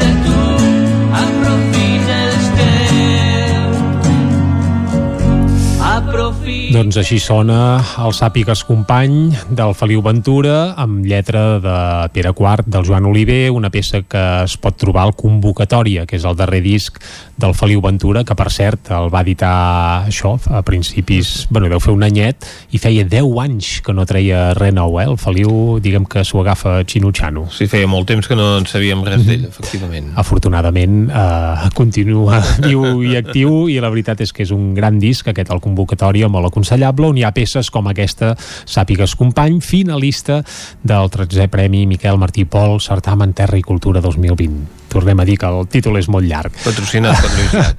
Exacte. I ara anem a escoltar una altra de les cançons finalistes, en aquest cas el Pau Alabajos, també del País Valencià, per cert, molta presència de valencians eh, entre els finalistes, i escoltarem 8 de març. És una peça, això, del Pau, amb lletra de la Maria Mercè Marçal, i en aquest cas el Pau Alabajos no canta sol, sinó que també sentirem les veus de la Gemma Homet, eh, una veu uh -huh. nostrada i que ens queda propera, de la Meritxell Gené i de la Marta Rius. Tots plegats canten 8 de març de la Maria Mercè Marçal, musicada, això sí, pel Pau Alabajos, una altra de les peces finalistes, i amb ella arribarem fins a les 10. Sí? Som-hi. Doncs escoltem-la. Amb l'estrany i la por i acudiran les bruixes de totes les edats deixaran les escombres per pastura del foc. Cossis i draps de cuina el saó i el blauet els porcs i les cassoles el fregall i els bolquers. Deixarem les escombres per pastura del foc. Els porcs i les cassoles el blauet i el sabó. I la cendra que resti no la canviarem.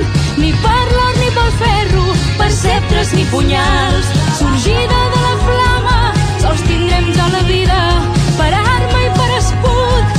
A totes dues mans el fum dibuixarà l'inici de la història com un eure de joia entorn del nostre cos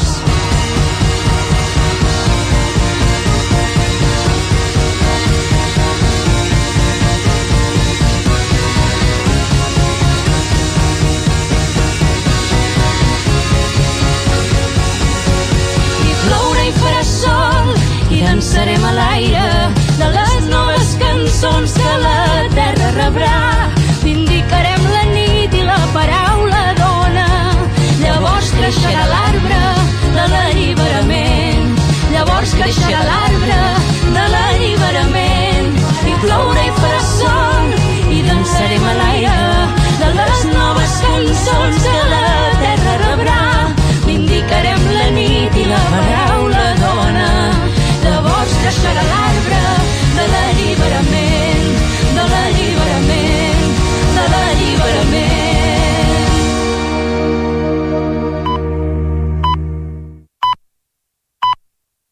10 en punt torna la informació de les nostres comarques, les comarques del Ripollès, Osona, el Moianès i el Vallès Oriental. Prysmian decreta el tancament definitiu de la planta de Manlleu. La multinacional cessa immediatament l'activitat productiva sense esperar a la data prevista, a finals de 2021. Més de la meitat dels 137 components de la plantilla de Prysmian a Manlleu ja no hauran de tornar al seu lloc de feina. L'aplicació del cessament de l'activitat productiva ha agafat per sorpresa els treballadors. Jaume Mata és el president del comitè d'empresa. Bueno, ens de sobte, eh, primer, eh, perquè no tenim ni punyeteríssima idea de què estiguem siguem en una situació com per tancar ja. Teníem cartera eh, més que suficient per continuar treballant. Jaume Mata, president del, president del comitè d'empresa, també denuncia que els impedeixin entrar a recollir les seves pertinences, fins i tot reforçant els serveis de vigilància. Vull dir, ens han tractat purament com a gossos i delinqüents. Ens han fotut a fora sense deixar entrar la gent ni a buscar les seves coses personals i a més a més fins i tot van reforçar el tema de seguretat per si de casa algú volia entrar sí o sí. La decisió també ha agafat per sorpresa l'alcalde de Manlleu, Àlex Garrido, qui ha demanat reunir-se amb representants de l'empresa per mantenir part de l'activitat. Tot i això, des del comitè estan descontents amb l'actuació de l'Ajuntament davant del tancament de la planta. No volem saber res de l'Ajuntament. És vergonyós l'actitud que ha tingut amb l'empresa més important de Manlleu, quasi bé centenària, l'any que ve, el 2021, el novembre del 2021, haguessin fet 100 anys i que la seva actuació ha estat la que ha estat. Tots els afectats de la plantilla tenen ara un permís retribuït d'un mes durant el qual es formalitzarà l'extinció del seu contracte en els termes acordats en les negociacions de l'ERO. 50 dies per any treballat amb un màxim de 42 mensualitats, un lineal de 13.500 euros per tothom i prejubilacions pels majors de 57 anys. Mor Pere Tanyà, que va ser 12 anys regidor de Santa Eugènia de Berga. Tanyà va morir aquest dissabte als 82 anys. Va entrar a l'Ajuntament l'any 2003 com a cap de llista de Convergència i Unió. Va revalidar l'acte de regidor tant el 2007 com el 2011, però al capdavant de llistes de gent gran. Primer el 2007 amb les sigles de pensionistes i jubilats i després el 2011 amb les de gent gran de Santa Eugènia. El 2003 i el 2007 va tenir la clau de la governabilitat al municipi i va facilitar l'alcaldia per Esquerra Republicana en un moment en què els resultats dels republicans independents a Santa Eugènia de Berga eren molt igualats. Aquest dilluns se li va fer una cerimònia de comiat al tanatori de Taradell. Caldés ha presentat el Pla d'acció municipal amb les inversions en equipaments que es pretenen abordar durant els propers 3 anys. Jordi Givert, d'Ona Codinenca. El Pla d'Acció Municipal presenta tres possibles inversions que l'equip de govern intentarà tirar endavant durant els propers tres anys. L'origen del pla és per adaptar-se a la normativa d'institucions com ara Diputació de Barcelona o Generalitat, que ho demanen com a requisit per a optar subvencions, imprescindibles per tirar endavant projectes en pobles petits i amb poca indústria, com passa a la majoria de pobles del Moianès. L'alcalde Eduard Sánchez alertava que el pla d'acció és flexible i dependrà d'aquestes subvencions. Per tant, el pla d'acció municipal serveix, a part de que està molt bé que ho fem per fer una previsió global, que això no és una cosa inamovible, és una cosa oberta, en els quals hi ha alguna cosa que potser finalment no es faci, la majoria que se- marquen es faran, però també, sobretot, és obert de cara a incorporar noves inversions o noves propostes, perquè està en funció una mica de les ajudes que al llarg del mandat vas aconseguint. Entre les obres que s'han fixat destaca la construcció d'una depuradora, reivindicació del municipi des de fa anys a l'Agència Catalana de l'Aigua, o la instal·lació de plaques fotovoltaiques a l'Escola de Calders. Sánchez explicava quines obres ja es començaran a fer a finals d'aquest any. Dins d'aquest any abans d'acabar l'any ja es faran dues petites obres que són amb l'ampliació de la pista de vòlei que ara doncs, hi ha molt interès en jugar al vòlei i per tant doncs, era una mica no complia massa amb la normativa de, de mides que ha de tenir la pista l'ampliarem. I l'altra cosa que farem també, si pot ser abans d'acabar l'any, és eh, arreglar el parc del Puig, una altra fase, la segona fase en vam fer una, on ja a recuperar el parc en si mateix i ja vam fer una plantació d'arbres i ara es fa una sèrie de millores Les obres presentades al Pla d'Acció de Calders busquen adequar al municipi als objectius de l'Agenda 2030, que marca un desenvolupament sostenible del territori. Mari Moyano és reelegida secretària general d'UGT a Osona. L'assemblea que es va fer dimecres passat va reelegir també part de l'executiva. Repeteixen Jordina Soler com a secretària d'Igualtat i Formació i Jordi López com a secretari d'Acció Sindical. Entren a l'executiva Robert Izquierdo com a secretari d'Organització i Carme Busquets com a secretària de Salut Laboral i Política Social. A l'acte també hi va participar el secretari general d'UGT a Catalunya, Camil Ros. L'assemblea va decidir que es farà un acte a la primavera si la pandèmia no ho impedeix per exposar la feina feta fins ara. Pel que fa a les afectacions del virus, Moyano va explicar que des del sindicat s'han seguit les mesures aplicades a la indústria i que les mesures s'estan aplicant correctament també al sector carni, on hi ha, va dir, molta densitat de treballadors. L'Ajuntament de Ripoll exigeix que la Generalitat pagui el reasfaltatge del carrer Progrés. Isaac Muntades, des de la veu de Sant Joan. El mal estat del ferm del carrer Progrés és un mal de cap constant per l'Ajuntament de Ripoll, ja que l'asfalt en aquell punt està molt desgastat i s'aixeca constantment en tractar-se d'una via interna del municipi que absorbeix un volum de trànsit important que ve de la C-17 des de Vic i que es dirigeix cap a la Nacional 260 cap a Sant Joan de les Abadeses i Olot a través de la C-26 i viceversa. Al darrer ple del consistori, el regidor del PSC, Enric Pérez, va demanar a l'equip de govern de Junts per Ripoll si hi havia alguna actuació prevista per arreglar-ho, tenint en compte que es necessitaria alguna ajuda econòmica per part de la Generalitat. De fet, aquest carrer necessita un nou reasfaltatge que podria tenir un cost molt elevat que s'enfilaria fins al mig milió d'euros. El regidor i cap de l'àrea de serveis al territori, Joaquim Colomer, va esgrimir que l'Ajuntament no hauria de pagar aquestes obres. Bàsicament, el carrer Progrés doncs, també s'ha insistit en que, tot i que en una època doncs, Ajuntament això es va recepcionar i es va agafar com que era un tema municipal, jo ho atribueixo sota un engany en aquest temps, a posar doncs, l'enganyifa, doncs en aquests moments seguim considerant que aquest carrer Progrés, al no poder-se realitzar doncs, la variant que correspon doncs, és un carrer de pas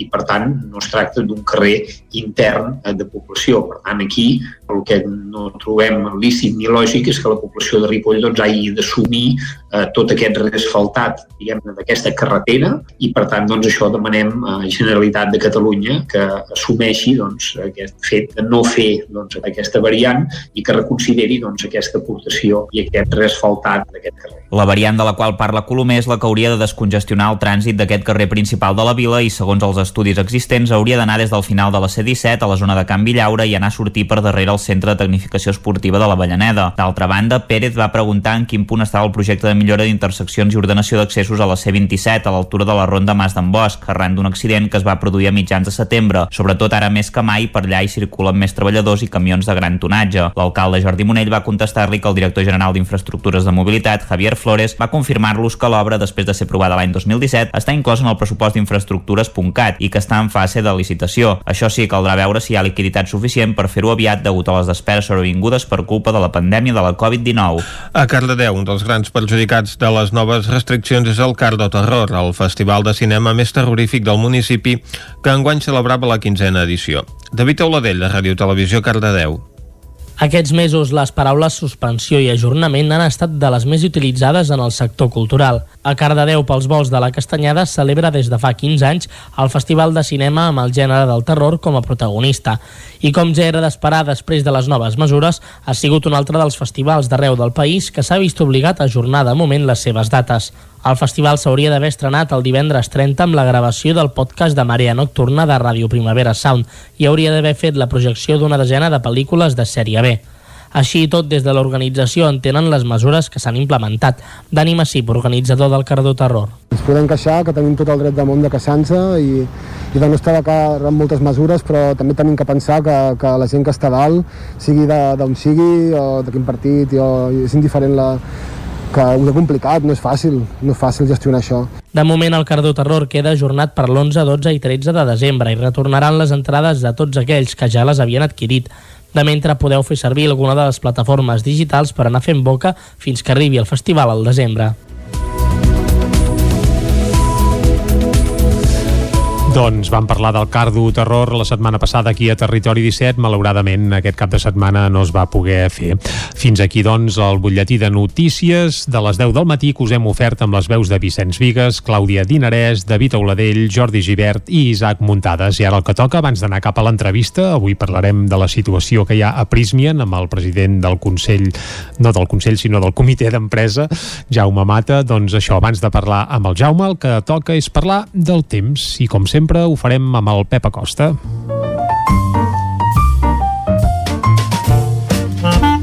Casa Terradellos us ofereix el temps. I el Pep ja el tenim aquí. Bon dia, Pep. Hola, molt bon dia. I bona hora. Núvols, cada vegada més. Sí, tapadot. I està començant també Mhm.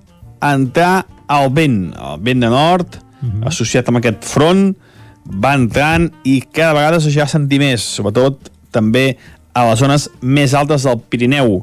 Aquest vent farà que totes les boirines, boires aquests dies desapareixin, eh, no en quedi ni una, perquè de seguida que bufi el vent se les emportarà. I de cara a la tarda, mm, a cara a la tarda és quan el front el tindrem més a sobre, ens passarà, eh, ens afectarà bastant de ple, eh, val a dir que no és un front tampoc molt, molt actiu, ni molt menys, és un front de segona, tercera categoria, però bueno, almenys això ens afectarà i proporcionarà un canvi de temps i pluja. Les pluges afectaran, sobretot a partir de les 3-4 de la tarda, a totes les comarques i on més plou és el Pirineu. Crec que plourà entre els 15 i 20 litres i uh, cap a la, les diferents poblacions i ciutats cauran entre els 5 i els 10, on més afectarà, com deia, cap al Pirineu. La cota de neu, aquest matí, si, si cau una gota, que ja es pot caure una gota, 2.000 2.200 metres, de cara a la tarda anirà baixant a 1.800 metres, última hora del dia matinada, no ens descarta fins i tot alguna nevadeta ja al Montseny i tot. Les temperatures a la tarda baixaran, eh, si ahir les màximes encara 23-24 graus, avui ja gairebé cap valor superarà els 20 graus de màxima. I això és tot. Avui a disfrutar d'aquest front que ens passa per sobre. Mm, Ja dic, no serà molt actiu, però per fi significa un canvi de tendència, un canvi de dinàmica i tindrem pluja, fred i una mica de vent. Moltes gràcies, fins demà, adeu. Vinga, Pep, moltes gràcies. I ara, tal com havíem avançat abans, anirem cap a l'entrevista. Casa Terradellos us ha ofert aquest espai. Territori 17. Envia'ns les teves notes de veu per WhatsApp al 646 079 023. 646 079 023. WhatsApp Territori 17.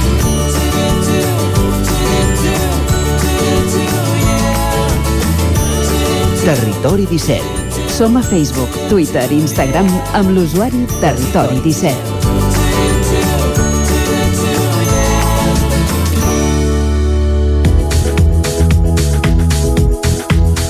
Falten dos minuts per un quart d'onze. Prismian Group va anunciar divendres als treballadors de l'antiga General Cable de Manlleu que tancava la producció de la fàbrica de forma immediata.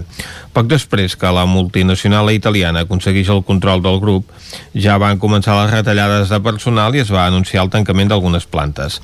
La de Manlleu tenia data de caducitat el 31 de desembre de 2021 i fa un any ja s'havia arribat a un acord per aplicar l'expedient de regulació d'ocupació per extinció dels contractes. Al capdavant d'aquesta negociació hi ha hagut en Jaume Mata, el president del comitè d'empresa. Bon dia, Jaume. Hola, bon dia. Eh, Divendres hi havia una reunió convocada del comitè de seguiment de l'expedient de regulació d'ocupació i l'empresa us comunica que tanca. Així és, teníem una reunió de la comissió de seguiment per tractar temes purament de l'acord que vam signar l'any passat, Uh -huh. a l'ERO que has comentat, i la sorpresa nostra va ser que ens va anunciar el tancament eh, de la producció de la planta. Uh -huh. Tot i això, en el, la planta encara quedaven comandes per fer, no? Així és, a veure, el que tancaran ara, o el que han tancat ara definitivament és la producció directa.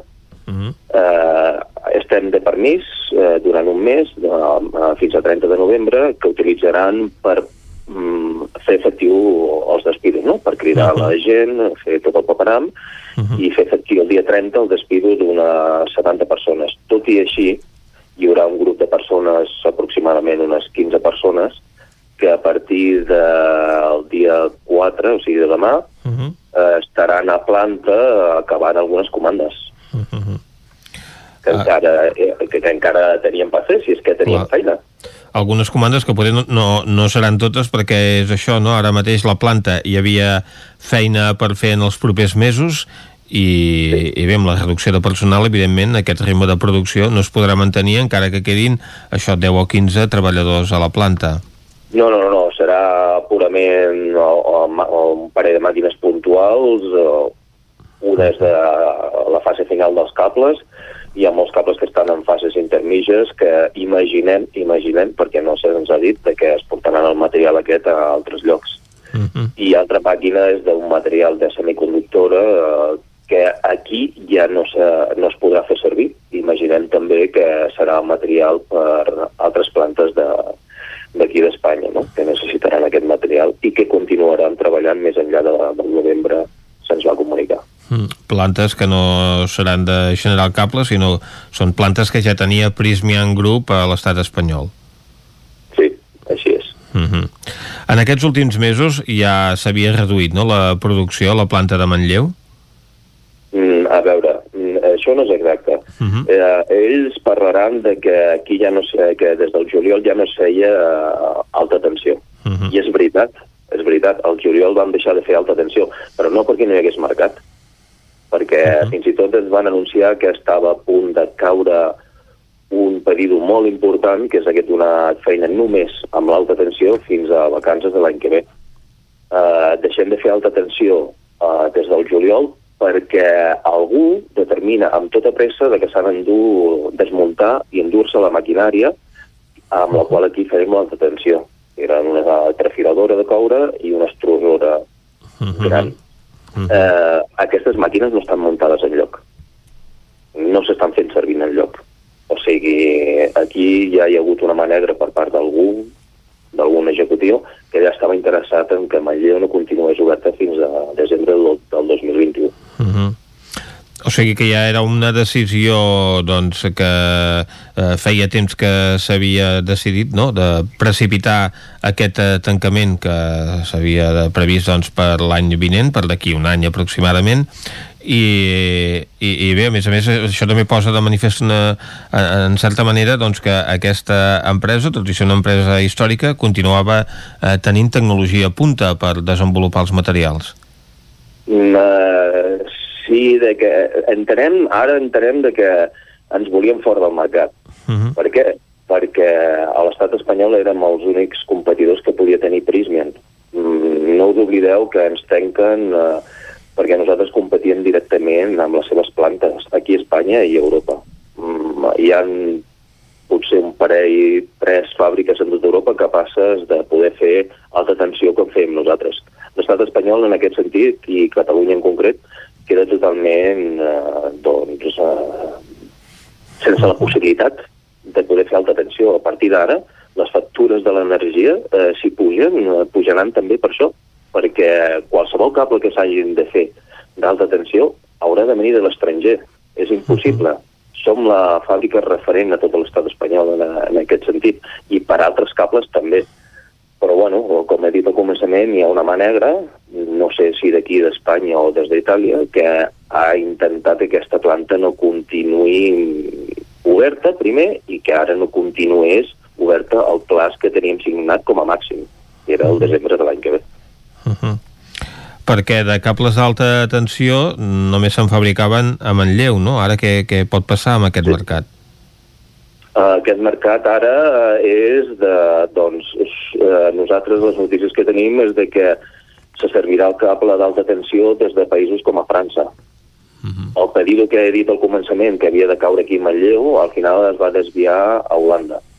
La maquinària d'alta tensió la van desmantellar, mm, tot i havent-hi mercat. I no, torno a reiterar, no està muntada en lloc. La tenen arrambada. Uh -huh. Vull dir, la podien haver deixat aquí perfectament a Manlleu i continuar nosaltres tirant.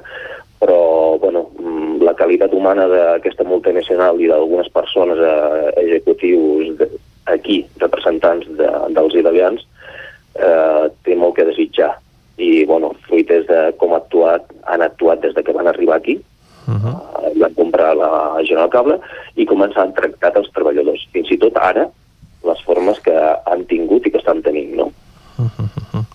Perquè l'excusa que dona l'empresa és la caiguda del mercat a conseqüència del coronavirus, una crisi sanitària que no sé si també afecta el sector del cable i realment hi ha aquestes males perspectives de mercat que dueixen eh, en aquest eh, comunicat on eh, fan saber als treballadors doncs, que eh, se cessa de forma immediata l'activitat productiva. Mira, jo desconec si els mercats han caigut o no han caigut. Ells diuen de que hi ha una, una probabilitat de que caurà al voltant del 16% o que està caient al voltant del 16% als mercats. La realitat és de que ells treballen amb plànings, amb carteres de pedidos, uh, un mes i mig, dos mesos vistes. Uh -huh. És el màxim que, que treballen.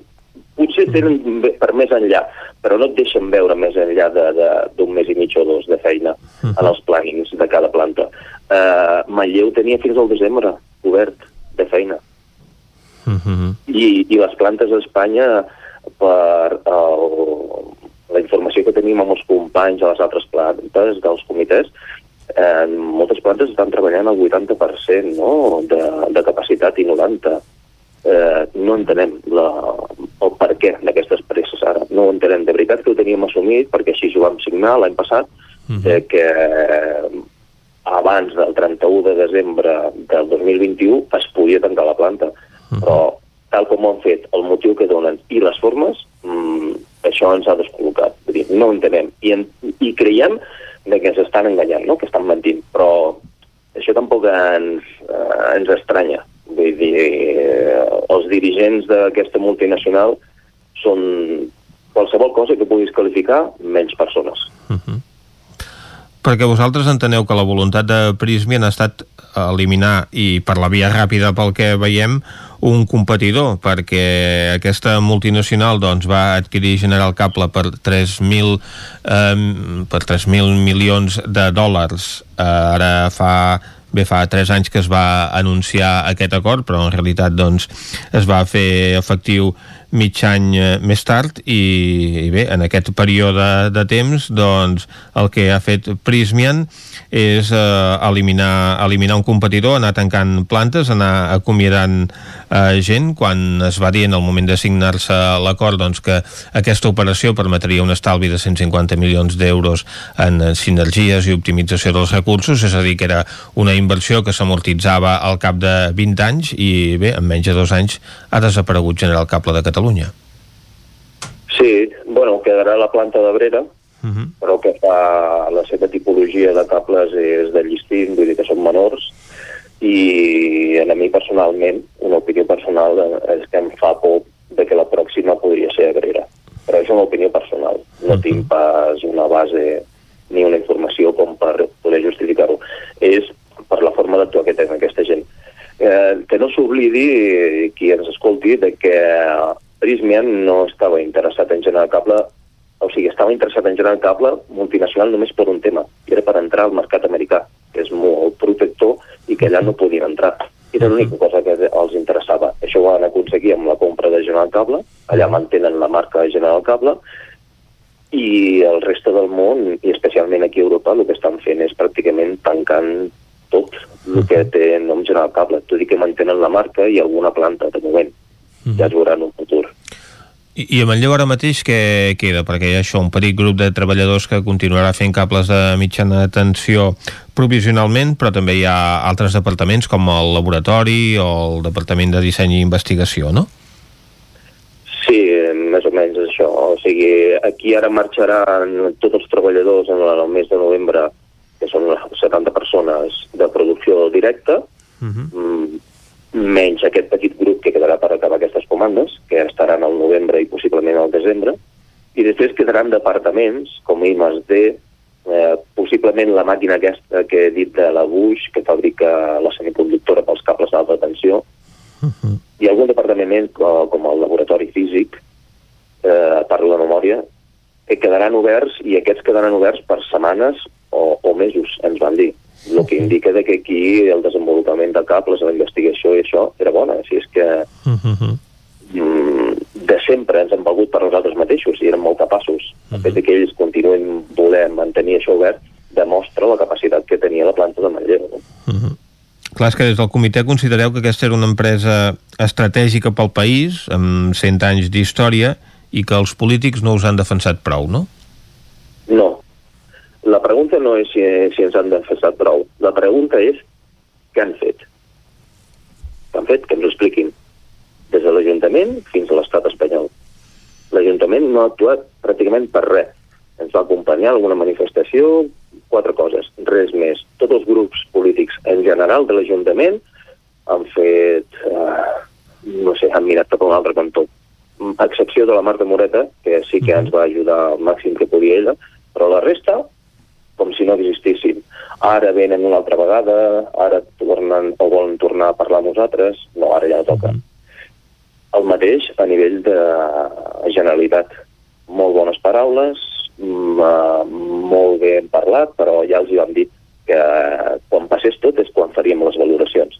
La valoració és, no han fet res, s'han excusat en una legislació a nivell espanyol de que ells no poden fer res. Mentida, sempre hi ha alguna cosa a fer. Sempre hi ha alguna cosa a fer. No han fet absolutament res. I la pregunta nostra, me'n recordo jo que li van fer a la Generalitat, al senyor Fondran i, al senyor Ginesta, era de que si no eren capaços de, de defensar 500 famílies de, del moment, quan estàvem negociant el tancament, si no eren capaços d'això, com ens podien vendre que eren capaços de defensar 5 o 6 milions de catalans que som davant de l'estat espanyol? Vull dir, no, no creiem en aquests polítics. Com a comitè d'empresa estem totalment decepcionats. Ja t'ho imagines, ja hi penses que els polítics estan eh, allà, no sabem ben bé per què, però quan els tractes de tu a tu, com ens ha passat a nosaltres i com ens està passant a altres companys, com els de Nissan o els de Bosch, allò, uh -huh. ells et podran dir el mateix. Uh, molt bones paraules, però la realitat és que al final no mouen ni una peça, absolutament no han mogut res per intentar que això tingués un, un final diferent. Mm. I jo ja no dic millor, diferent. Jaume, ens quedem aquí, se'ns acaba el temps. Moltes gràcies per acompanyar-nos i molta sort en el futur. Vinga, gràcies a vosaltres. El nou FM. El nou FM. La Fogonera, resistència gastronòmica. És un restaurant? És un rostidor? És La Fogonera, la cuina en directe des de GURB, on encarregues, ho vens a buscar i ara també t'ho portem a casa. La Fogonera, resistència gastronòmica. Ara, amb la fogonera de dia, amb aperitius, arrossos, segons plats i postres. I quan cau la nit, ens transformem en un popurri culinari. Burgers, pizza, pasta... Truca al 93 851 55 75 o entra a lafogonera.cat. La Fogonera, el teu aliat gastronòmic. Anuncia't al 9FM. La màquina de casa. 9 3 8 8 9 4 9 4 9 Publicitat arroba al 9FM.cat. Anuncia't al 9FM. La publicitat més eficaç. Cocodril Club. Si t'agrada la bona música dels anys 60, 70 i 80, escolta el 9 FM els matins de dissabtes i diumenges d'11 a 1. És el temps del Cocodril Club, tot un clàssic de la ràdio, amb les bases del pop-rock, les llegendes, les cançons que s'han convertit en autèntics himnes. Recorda, dissabtes i diumenges al matí, d'11 a 1, al 9 FM 92.8. Cocodril Club, el programa revival de l'Albert Malla. Hasta luego, cocodrilo. Cobertes serveis funeraris. Els nostres tanatoris estan ubicats en els nuclis urbans més poblats de la comarca d'Osona per oferir un millor servei. Tanatori de Vic, Tanatori de Manlleu, Tanatori de Centelles i Tanatori de Roda de Ter. Sabem que són moments difícils i per això el nostre compromís és atendre-us en tot moment amb un tracte humà, sensible i respectuós. Cobertes serveis funeraris. Telèfon 24 hores 93 883 23 46. Vols trencar amb l'oligopoli de l'IBEX 35? Apunta't al consum estratègic i comença a consumir serveis catalans. Per això et convidem a omplir el dipòsit a Petrolis Independents. A Osona ens trobaràs al polígon Mas Galí de Vic i a Centelles just després de la sortida sud. Si vols factura, entra a la nostra pàgina web petrolisindependents.cat i dona't d'alta. Comença a ser independent. Tenim la força de l'amor.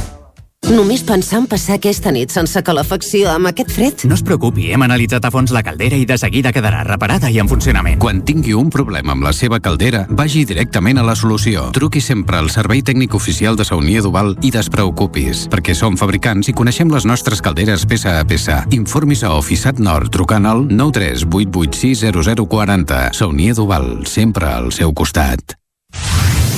El nou FM, el nou FM, el nou FM, el nou FM, el nou FM.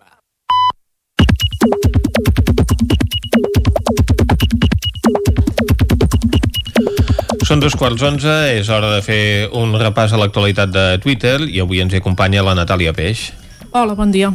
Bon dia, Natàlia. Què ens has trobat avui? Doncs bé, comença un dia que estarà marcat per les eleccions presidencials als Estats Units i tenim una primera piulada en relació a aquests comicis d'Anna Pont.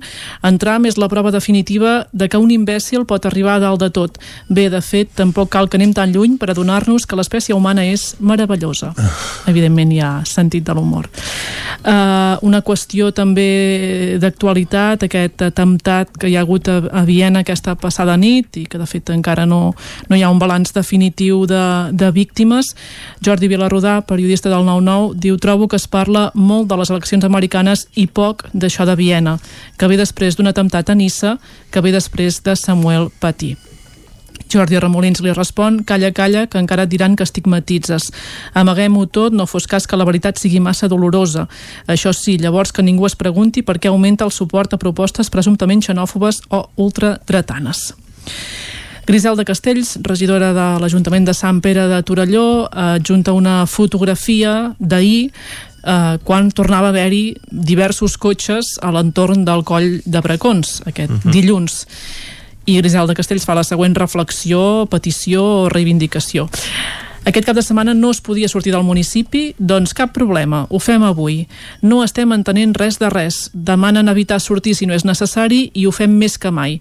Tan difícil és d'entendre i posa tres etiquetes, la primera sense remei, la segona insolidaris i la tercera autoresponsabilitat. L'advocat Antoni Borra ens explica que a Vic els llums de Nadal ja els han penjat a l'octubre. Potser no hi haurà festes de Nadal com les teníem enteses, però llums que per consum elèctric no quedi. Joan Comec, regidor de Capgirem Vic. Els adults hem passat per l'adolescència i d'alguna manera podem empatitzar i posar-nos prou al seu lloc. I no ho fem. No parem de criminalitzar-los. En canvi, demanem als adolescents que es posin al lloc dels adults quan encara no hi han ni passat. Joaquim Colomer, l'empresa Sodeca entrega a totes les escoles del Ripollès un aparell purificador d'aire per combatre la Covid-19, una mostra més del compromís empresarial cap al sector públic. Merci acaba amb aquest agraïment. I ara us eh, detallarem un fil de Twitter que comença, un fil en, eh, diguem, amb intervencions i diverses respostes, que comença a Terrassa i que acaba a Balanyà. Carai. Comencem. El recorregut és llarg. Sí. Uh, la primera piulada de l'Institut Jaume Cabré de Terrassa. 30 d'octubre. Fa set setmanes que hem començat les classes i us volem explicar una història que a nosaltres ens sembla trista. Però ens sentim molt tristes i decebudes. Són dos grups d'educació obligatòria en un centre públic i ens sap greu trobar-nos en aquesta situació després d'haver escrit mil mails i de fer mil trucades al Departament d'Educació.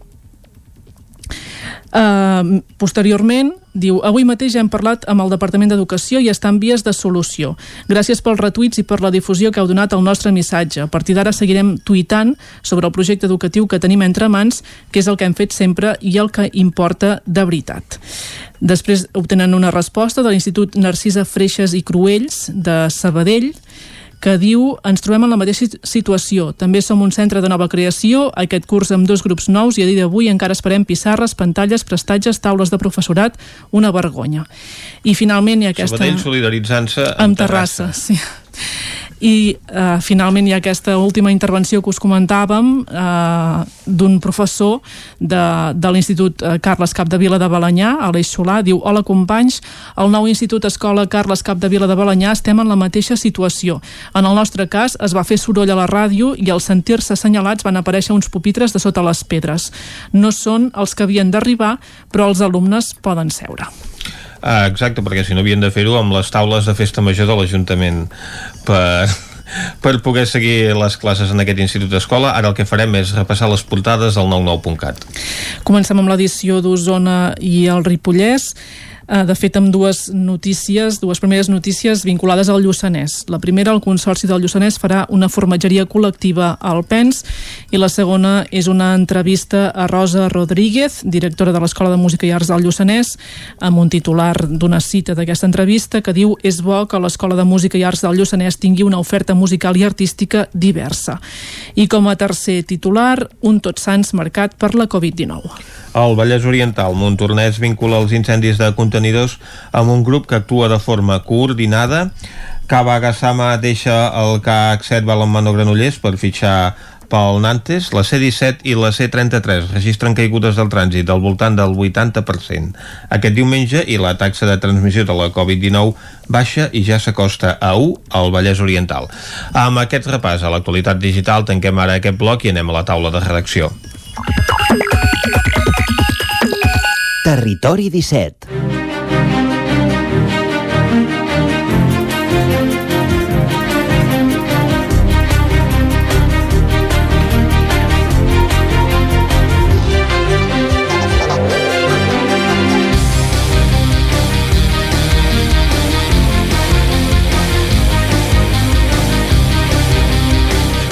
Taula de redacció avui que compta amb la intervenció de la Clàudia Dinarès i d'en Jordi Vilarrodà.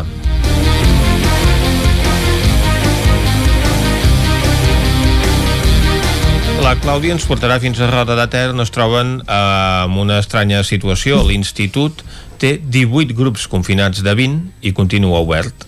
Exactament, és força contradictori eh, el cas Mhm. de l'Institut Miquel Martí Pol de Roda de Ter, com hem dit a primera hora les notícies, eh, el centre ha hagut de confinar 18 d'aquests 20 grups que acull el centre. Eh, una notícia que, segons ens explicava ahir eh, Roger Coromines, alcalde de Roda de Ter, doncs el Departament d'Educació els va comunicar aquest mateix dissabte. El Departament ja els especificava doncs, quin podria ser el, el brot, l'origen del brot. En principi eh, podria haver estat eh, l'autobús escolar que ressegueix la línia del Coll Sacabra. Perquè, clar, no només hi van alumnes de Roda en aquest Exacte. institut. Sí, sí, sí, van eh, alumnes de, de diferents uh, municipis.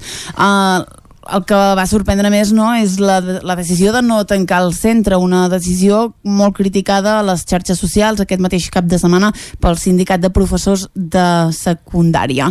Uh, ahir vam anar a l'Institut de Roda per saber què estava passant. A l'entrada doncs, uh, vam veure com uh, en aquell moment precisament l'equip docent s'estava fent proves PCR i uh, fora de, de l'institut doncs, hi havia un vaivé d'alumnes que recollien material doncs, per començar a fer classes de forma telemàtica. Uh, D'aquesta manera uh, és curiós, no? ja ho hem dit al principi que és una decisió contradictòria la de no tancar el centre uh, que a partir d'avui doncs, uh, obre només per dos grups, un de segon i un altre de quart de, de secundària. La resta, com dèiem, doncs, es confirmaran preventivament a l'espera doncs, del resultat de les proves PCR doncs, que es feien ahir. Uh, li van preguntar a Roger Coromines doncs, per la situació, ell ens va dir això I que què deia l'alcalde? Que no sabia gaire res més, que, que d'entrada el departament els hi havia dit que la- la- l'autobús doncs, havia estat l'inici del brot, però que eh, havien d'esperar doncs, a saber els resultats de les proves PCR. Uh, ell va assegurar que sí, que la, la situació de l'institut és crítica, però que no cal extrapolar aquesta situació a la resta del municipi, és a dir, que a roda de les coses estan uh, més o menys controlades. més o menys controlades, ara no sabria com dir-ho perquè bé tampoc es pot dir, uh -huh. uh, tot i que ell va dir alerta, extremem la, les mesures perquè Roda està molt a prop de Vic i també està uh -huh. molt a prop de Manlleu, dues ciutats amb uns indicadors molt preocupants pel que fa al coronavirus. I és un municipi petit en extensió. Exacte. Per tant, eh, ell va dir d'entrada el focus uh -huh. estaria localitzat a l'institut, però alerta, totes les alertes, perquè eh, la cosa es pot descontrolar. Per tant, eh, a dia d'avui eh, sabem això, pendents de què diuen les proves PCR i... Que s'han fet els alumnes i els professors. Exactament, sí, sí. I a veure si el departament canvia o no canvia eh, de decisió. Veurem. Exacte, és eh, sorprenent aquesta situació de l'Institut de Roda que amb 20 classes en tingui 18 de confinades Exacte. i continuï obert. Moltes gràcies, eh. Clàudia. Nosaltres ara canviem de temàtica, eh, però també parlem d'ensenyament en definitiva i és per explicar-vos que l'Escola de Disseny i Enginyeria a l'Isaba doncs, eh, s'incorpora a l'estructura de la Universitat de Vic, Universitat Central de Catalunya i qui en té més detalls ara mateix és en Jordi Vilarrodà. Jordi, com ha avançat aquesta operació? Bé, eh, aquesta operació s'estava gestant des de feia mesos. De fet, eh, això havia començat ja doncs, eh, a gestar-se força abans del primer confinament, o sigui, del mes de març, va quedar aturat i ara va quedar aturada la formalització de l'acord i, de fet, aquest es formalitza demà. O sigui, demà serà el dia que a Vic eh, es farà un, la presentació. De fet avui, avui és pròpiament el dia que es firma en un acte doncs, sense públic al Departament d'Empresa i Comunicació de la Generalitat i ara doncs demà es, farà, es presentarà aquí que, que, per què és important això? A veure, l'Isaba és un centre històric històric, de fet és la primera escola de disseny que hi ha a Catalunya i a l'Estat, es funda l'any 61 eh, és pionera mm, en el disseny gràfic però en els últims anys ha evolucionat també cap al disseny de producte, o sigui l'enginyeria relacionada amb el disseny de producte. De fet fa dos, eh, do, dos graus universitaris, de fet dues carreres per entendre'ns, que una és de disseny i l'altra és d'enginyeria de disseny i, i té, un, té un, gran prestigi. La veritat és que n'hi ha diversos de centres de, de disseny a Barcelona, però l'Isaba, que potser molta gent doncs, eh, identificarà amb la, amb la seu que té a la, a la Rambla, eh, és, és, un, és potser el que, el que té més prestigi, uh -huh. no només per història, sinó també per trajectòria d'ara. Imparteix, a més a més, molts eh, màsters i postgraus, eh, té un alumnat molt internacional, de fet, eh, sempre sol moure's entre 20 i 25 països de procedència dels alumnes. Carai. És un centre molt internacionalitzat, eh, i amb un parell de milers d'alumnes entre els graus i màsters sempre es mou doncs, eh, més o menys amb aquesta, amb aquesta franja d'alumnat. Per tant que la Universitat de Vic firmi, o sigui, a veure, signi un acord, estableixi un acord amb aquest centre és important, és un acord federatiu, o sigui, no és que ells eh, s'integrin d'alguna manera com un centre adscrit, la Universitat de Vic té diferents centres adscrits, sí. però uh -huh. ells fan un acord com el que es va fer en Manresa, és una federació, o sigui, ells són una fundació, eh, la Universitat de Vic també és una fundació, hi ha una federació, eh, per tant és un acord més entre iguals en aquest sentit, d'alguna uh -huh. forma, i passaran a ser, a partir d'ara, una nova facultat de la Universitat de Vic. Serà la Facultat de Disseny, que uh -huh. estarà a Barcelona, i que serà una nova facultat que a partir del curs vinent doncs, eh, ja tindrà doncs, els, els alumnes integrats dintre l'estructura de la Universitat de Vic. Uh -huh. Què hi ha més a més a més darrere d'això? És que, esclar, no serà que a Barcelona no hi hagi universitats. Efectivament. Aquí anàvem. doncs aquí anàvem, perquè fins ara l'ISA impartia uns títols eh, avalats per la Universitat Pompeu Fabra. Uh -huh. I ara passa doncs, a la Universitat de Vic, que a més a més la Universitat Pompeu Fabra la tenen físicament molt a prop, a més a més, fins i tot. Exacte. Físicament molt a prop. Algunes aules allà mateix. Allà mateix. Uh -huh. I eh, bé, què, què passa? Doncs que d'alguna manera que la Universitat de Vic, entre moltes cometes, els hi prengui a l'ISABA a una universitat de Barcelona, uh -huh. clar, això és una cosa que aquí que no es podrà dir, perquè és, però que és evident que és un, eh, és un fet bastant important. O sigui, que aquesta escola de disseny, que està molt, fins i tot molt a prop de la Pompeu Fabra, que dona uns títols avalats per la Pompeu Fabra, a partir d'ara ho faci amb títols de la Universitat de Vic com a facultat de la Universitat de Vic i d'alguna manera es, es vinculi a una universitat que no és barcelonina, que no uh -huh. és de Barcelona, eh, clar, ep, eh, això és un cop d'efecte, per entendre'ns, eh? és un cop d'efecte una mica important en aquest uh -huh. sentit, aquest acord i per tant doncs això eh, augmenta també el prestigi a la Universitat de Vic li permet posar un peu a Barcelona definitivament, uh -huh. on fins ara hi havia anat impartint cursos coses, tenia escoles escrites per uh -huh. exemple, un centre d'una escola de negocis una altra escola de disseny que es diu BAU uh -huh. eh, però no, no amb, la, amb la diguem amb el nivell amb què ho tindrà ara que tindrà una, o sigui, per entendre's la Universitat de Vic tindrà una facultat allà al cor de Barcelona uh -huh.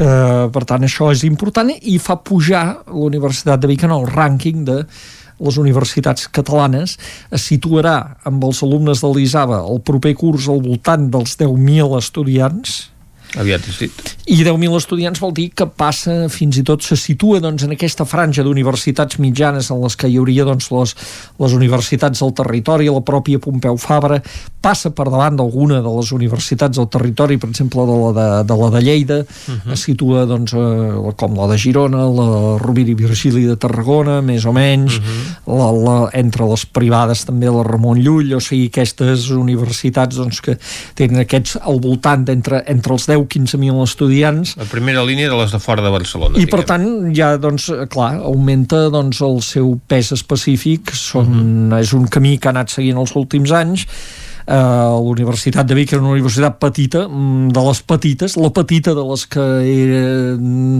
hi havia alguna més petita, potser encara, però en el moment de l'acord de federació amb Manresa fa un salt endavant, aquest és un altre i eh, va doncs, aconseguint aquest pes específic per entendre'ns aquesta massa crítica que també a l'hora d'anar a, a demanar coses és important, uh -huh. és a dir, a l'hora de que es demani més aportació pública ara que s'està amb la negociació del contracte programa de la universitat, etc etc i escolti, eh, nosaltres no som poca cosa nosaltres uh -huh. tenim 10.000 alumnes eh? uh -huh. doncs això també pesa I, i al darrere també hi ha un altre fet que també és destacable, que és que tot això té més o menys s'intueix doncs, la, la, benedicció, la benedicció del departament, que és el uh -huh. Departament d'Empresa i Coneixement, que, que ara doncs, està a càrrec del, del conseller Ramon Tremosa, que de fet eh, seran doncs, presents aquí a través del secretari general del departament en la, la presentació de demà uh -huh. i, i que per tant d'alguna manera hi ha l'aval també de, de,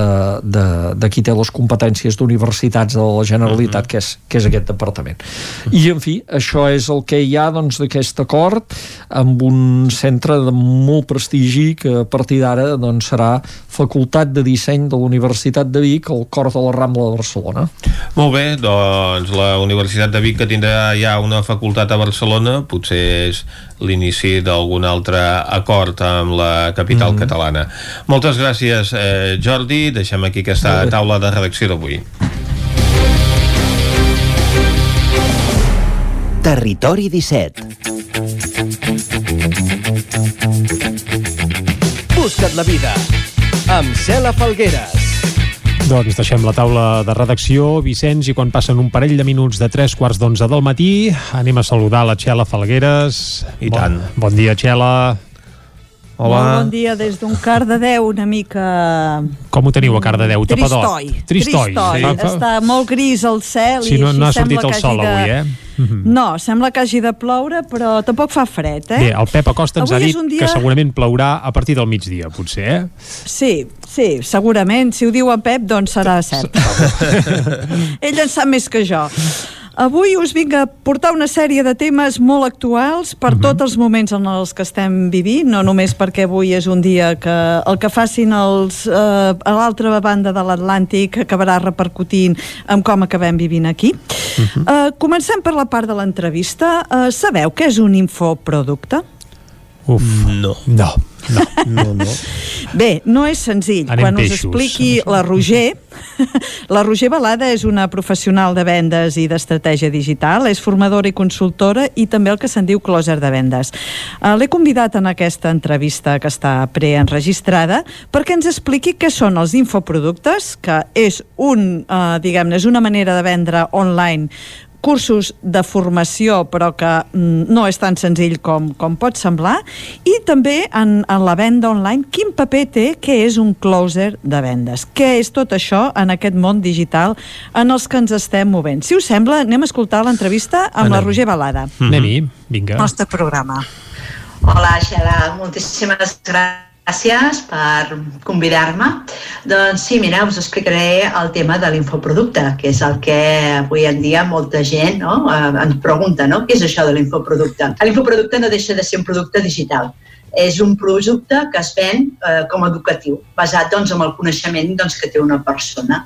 Quines són les claus d'aquest infoproducte? Pues, bueno, primer de tot, ha de ser un producte que sigui digital, format digital, ja sigui una guia, un vídeo, un curs, un e-book, aquest infoproducte té a veure amb la teva experiència professional. Tu has de ser un professional amb un tema i el que vols és vendre la teva experiència online. Vale, per exemple, tu ets eh, estratega digital i tu muntes Sí. un curs de les claus de l'estratègia digital i fas una sèrie de, de 10 vídeos i els usuaris que vulguin accedir a aquest contingut en el que ets expert hauran de pagar d'alguna manera, perquè aquí està la gràcia, no? I després tu, diguem-ne, generes uns ingressos a través d'això. Efectivament, tu ets expert, has fet aquesta formació, la penges en una plataforma, però clar, per arribar a tot això hi ha un procés, perquè no és tan fàcil. No, no sabem exactament si aquest producte o servei que volem donar online, vale, aquest, aquest infoproducte, realment té un públic o no. Hem de creure que normalment hi ha audiència per tot. Tot és interessant. Què passa? Que avui en dia, a la millor jo estic interessada a fer eh, una formació, necessito una formació, doncs no tinc temps i m'agradaria tenir un entrenador personal, no? Doncs realment hauria de saber primer jo com a entrenador personal si realment tinc audiència o no per vendre aquest producte online. Com ho fas no? per, per buscar aquest tipus de, de públic que realment eh, pugui estar interessat. Llavors, el que està molt clar és que, primer de tot, per exemple, llançar una, una enquesta una enquesta a la gent que tens més a prop, preguntant doncs, bueno, si necessitarien, els agradaria, com s'ho farien. A part de crear aquesta enquesta, el que faré és tenir un blog on publicitaré, eh, pujaré doncs, tot el que siguin articles referent a el que jo faig i com et puc ajudar, perquè al final el que vull és ajudar-te. O sigui, És el que vas manera. fent és, a part d'haver testejat com la gent podria rebre el teu infoproducte, començar a posicionar-te digitalment com un expert en aquest tema. Efectivament. És l'única manera que tenim per començar a fer el nostre funnel de ventes. Vale, Roger, parles en termes molt tècnics. Explica sí. què és un lead i què seria Sí. el que tu has dit un funnel. El funnel, el funnel de ventes. El funnel és l'embut que parlem, l'embut de ventes, no? Que al començament un embut, com sabem la forma que té, al començament hi ha molts, no? Que, que diuen, sí, sí, jo vull aquest producte, m'interessa molt, no? Però clar, van passant per diferents passos fins que realment d'aquests, a la millor 100 que han dit que sí, són 4 els que realment estan interessats amb el teu infoproducte. Al final, quan arribes amb aquests 4, el, que llavors és quan nosaltres diem el lead magnet, no? que ja el tens, no? que ja, el, dius, ja el tinc enganxat amb aquest. El lead magnet seria un ganxo perquè aquesta persona que està més o menys interessada, pum! li haig de donar alguna cosa, no? Allò que dius, ostres, què li dono? Un ganxo, no? Alguna oferta irresistible, doncs un mini, una mini guia del que seria el, el producte final, l'infoproducte final, no? A la millor doncs, ja faria doncs, una mini guia de els 10 passos doncs, per començar el projecte aquest per aprimar-te, no? O sigui, cosetes així. Li dones el caramelet doncs, per enganxar-lo i que realment diguin, ostres, doncs mira, em regala això, però bueno, si pagues 30 euros en comptes de 10, eh, pàgines te'n dono 20 i a més a més eh, t'incloeixo doncs mira, aquí doncs, un vídeo del que farem a la primera sessió, no? O sigui, és una mica fer una escalada després. Eh? Després ja ve la manera de, de fer aquesta escalada.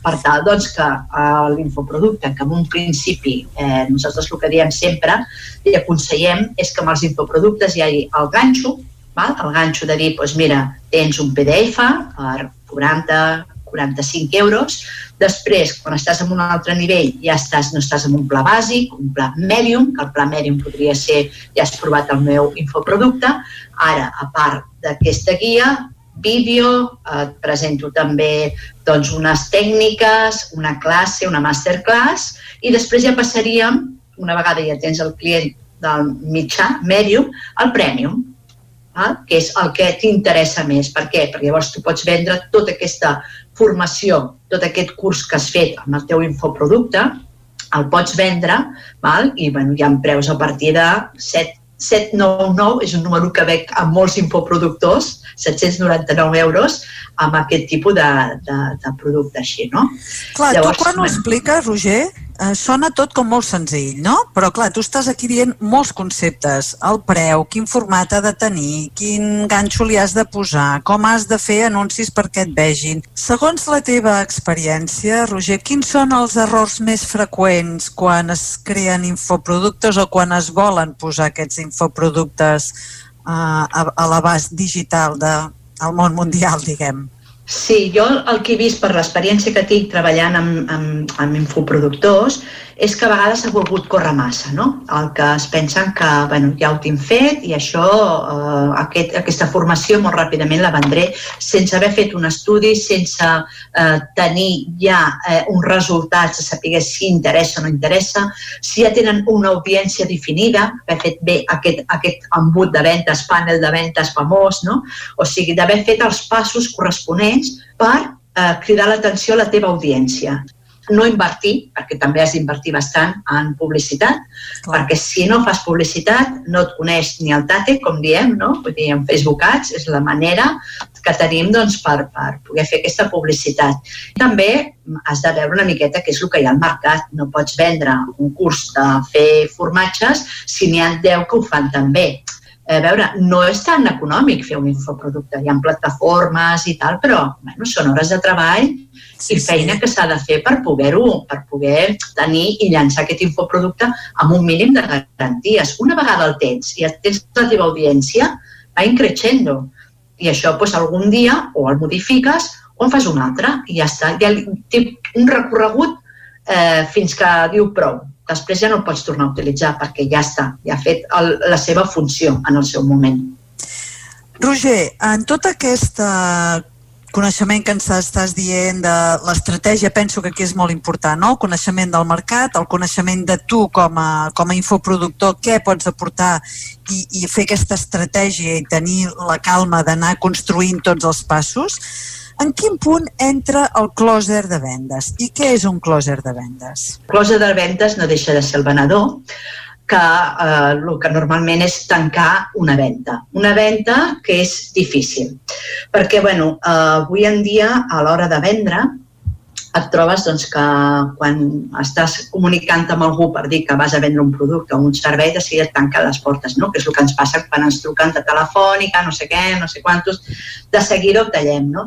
Llavors, el closer de ventes no fa trucades en fred. El closer de ventes ja està en un procés que tot el que li arriba ja són leads qualificats. Leads qualificats... Ah, això, explica què és un lead qualificat. Sí. El lead qualificat és una persona que realment està interessada en aquell producte o en aquell servei, perquè ha passat pel funnel de ventes, famós. Quan parlem de closer de ventes, ara us sentirà molt de closer de ventes de high ticket, d'un ticket alt, superior a 2.000 euros. Això s'està parlant molt, no? que són productes eh, o serveis doncs, que a partir de 2.000 euros en amunt, no? que es venen. El closer de ventes és fer una venda consultiva. Una venda que escolta, és un 80% escoltar al client i un 20% parles tu com a closer de ventes. L'únic que fas és tancar. Per aquesta persona ja ve convençuda i només necessita quatre preguntes molt, molt concretes que se'ls hi fa per arribar a dir sí, vull aquest producte. Clar, per ser un closer de ventes has de dominar i conèixer molts factors psicològics que intervenen en un procés de compra. Vull dir, no, no és tan fàcil. No, no, I- és el que anava a dir. Quina Exacte. formació es necessita per ser closer de vendes? M'agrada que m'ho hagis preguntat perquè ara està sortint també molta gent, tipus infoproducte, que fan formació com a closer de ventes. Jo he vist cosetes i sense desmereixer ningú, doncs per tothom hi ha un públic, no? té la seva audiència no? que li pugui comprar.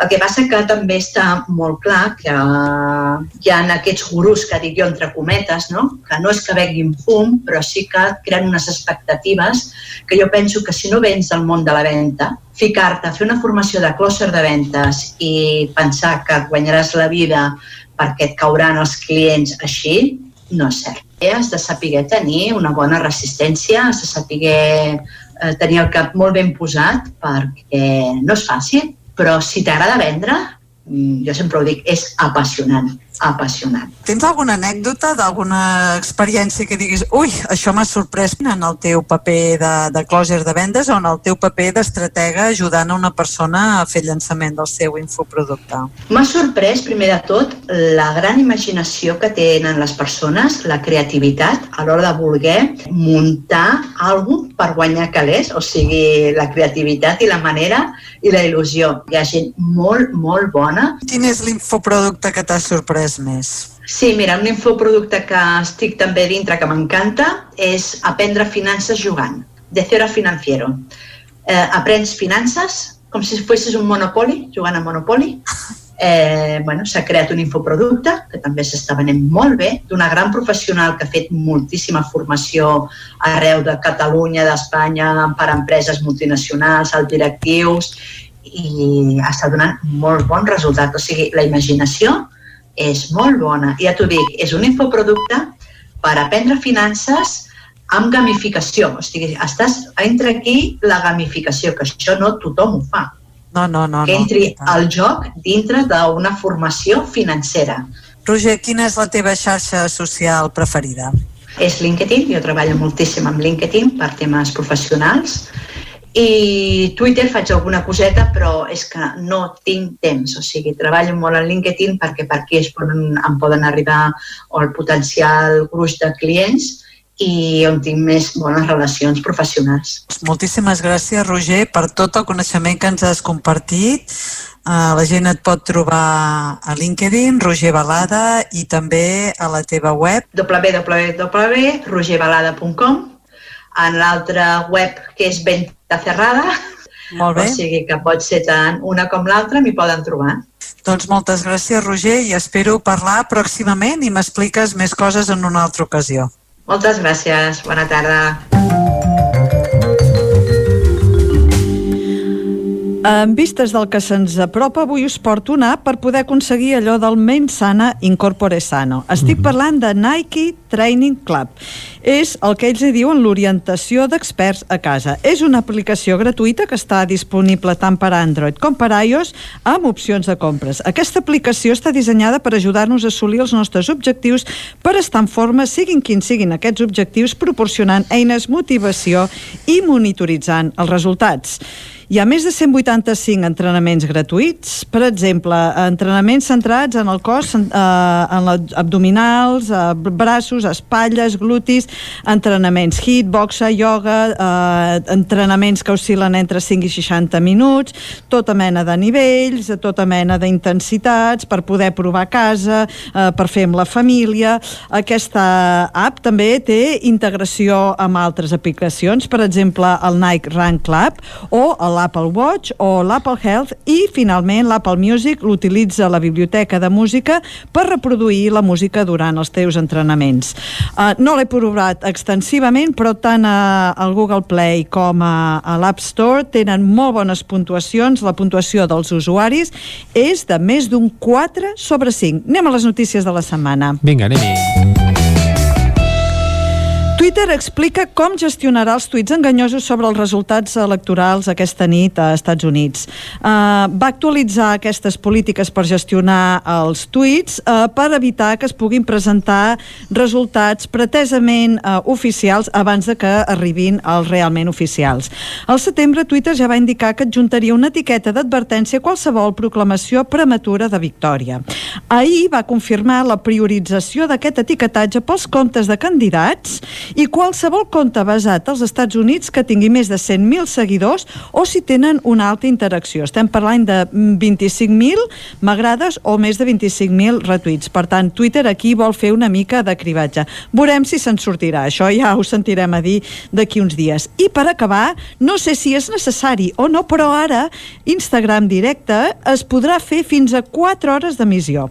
Davant el creixement de TikTok i les plataformes de Bufa. streaming durant la pandèmia, Facebook no vol perdre cap oportunitat en les seves plataformes. Així que fi, si fins ara els directes d'Instagram estaven limitats a 60 minuts, ara es podran fer fins a 4 hores de transmissió en directe. Un cop acabada la transmissió, aquest arxiu estarà disponible per poder descarregar-se i utilitzar en qualsevol altra plataforma. Instagram també ha afegit una secció que li diu Live Now, que és per Instagram TV, on els usuaris podran trobar contingut en directe del moment. I amb això acabem el programa d'avui. Uh, espero retrobar-nos la setmana que ve. Segur que sí, Txela. Ja veig que els d'Instagram pensen en un nou confinament i, i que si hem de gaudir de concerts per Instagram Live puguin ser una mica més llargs dels que eren. correcte, exacte. No, no, Bé, el que estan pensant mínim- és en què puguem fer el nostre programa en directe també per Instagram. Ah, veus? Doncs Vinga, doncs, ja que m'ho poseu molt, molt fàcil, eh? Vinga, provem-ho. Fins dimarts que ve, que vagi vinga, molt bé. Que vagi molt bé. Fins dimarts que ve, quan falta mig minutet perquè siguin les 11 i 5 minuts del matí, torna la informació de les nostres comarques, les comarques del Ripollès, Osona, el Moianès i el Vallès Oriental. Territori 17, amb Vicenç Vigues i Jordi Sunyer.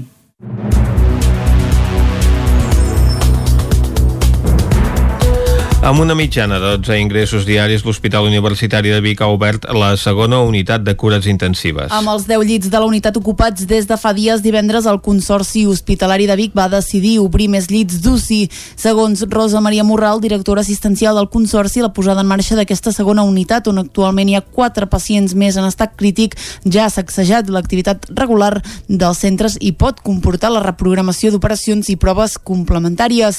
Una conseqüència directa de la manca de professionals que els centres d'Osona ja va marcar la primera onada de la pandèmia, ho explicava Morral aquest dilluns en una entrevista al nou magazín del Nou TV. sí que hi ha alguna intervenció quirúrgica s'ha hagut d'ajornar, s'ha hagut de desprogramar i si augmenten els pacients crítics, doncs aleshores sí que ens veurem obligats a, a desprogramar sobretot activitat quirúrgica i d'intervencionisme perquè són els professionals que estan treballant en aquests àmbits els que han de passar a donar suport en aquestes unitats de, de crítics. Al llarg d'aquesta setmana el Consorci també té previst desplegar una nova planta destinada a pacients amb coronavirus que s'afegiria a les tres que ja hi ha actualment. amb el, amb el número que ens maneguem ara, eh, just aquestes tres unitats queden molt justes i el que ja avui en el comitè de crisi d'avui ens hem plantejat és començar a desplegar una altra unitat més, preparar-la per, perquè al llarg d'aquesta setmana de ben segur que, que probablement l'haurem d'obrir. Paral·lelament, el pavelló del Castell d'Amplana es convertit en una extensió de l'Hospital Universitari de Vic durant la primera onada també està a punt per si cal reobrir. Un marc que ara per ara el Consorci no té damunt la taula, tot i que, segons Morral, la realitat és molt canviant i la seva reobertura no es pot descartar. De moment, pensem en el moment que ens trobem nosaltres ara actualment com a Consorci Hospitalari de Vic, nosaltres encara tenim tenim llits per, a l'hospital per, per, si, no? per, per tot el tema Covid. Uh, per tant, entenem que si arriba el moment doncs, que estaria tot a punt per poder-se per poder obrir. De moment, ara, en el moment que estem avui, que això no vol dir que demà pugui canviar l'escenari, eh? perquè el que ens ha ensenyat la pandèmia és que s'han d'anar prenent decisions dia a dia, eh? en funció de com, de com va esdevenint tot. A l'entrevista, Morral va dir que la situació límit que viu la capital usonenca amb uns indicadors preocupants pel que fa al coronavirus es deu a una qüestió multifactorial. En aquest sentit, la directora assistencial va dir que des de l'atenció primària s'està fent molta feina per detectar casos, des de cribratges, escoles i centres residencials a punts concrets de la comarca que podrien ser focus de la malaltia. L'Institut Miquel Martí i Pol de Roda de Ter ha detectat casos positius de coronavirus a 18 dels 20 grups que acull el centre. Al centre només hi queden dos grups que hi fan classe de, de manera presencial, un de segon i un de quart d'ESO.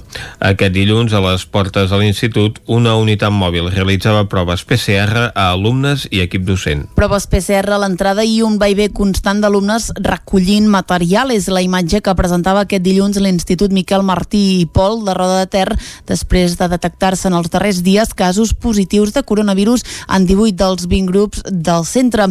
Dissabte el Departament d'Educació els va comunicar la notícia especificant-los quin podria haver estat l'origen del brot. Roger Coromines és l'alcalde de Roda.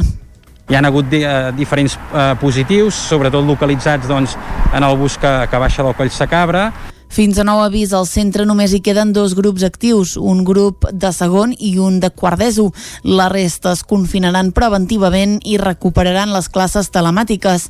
La decisió de no tancar el centre, molt criticada pel sindicat de professors de secundària, ha estat consensuada pels departaments d'Educació i Salut. Nosaltres com, com a Ajuntament doncs, eh, donar ple suport al, al Departament d'Ensenyament i de Sanitat que en base en les dades eh, que tenen doncs, prenen les millors decisions possibles i en aquest sentit doncs, agrair perquè hi ha hagut comunicació permanent fluida doncs, del Departament d'Ensenyament per anar-nos avisant eh, de, dels passos que es anaven seguint, així com la direcció de, de l'institut, donar-los a ple suport i agrair-los la tasca que estan fent en aquests moments tan complicats. Roger Coromines assegura que la situació de l'institut és crítica, però que no es pot extrapolar la resta del municipi. No obstant això, demana als veïns que extremin les mesures per reduir contagis. Els grups escolars confinats al Ripollès baixen a 6, amb 133 persones aïllades, la majoria dels quals a Ripoll i Camprodon. Isaac Muntades, des de la veu de Sant Joan.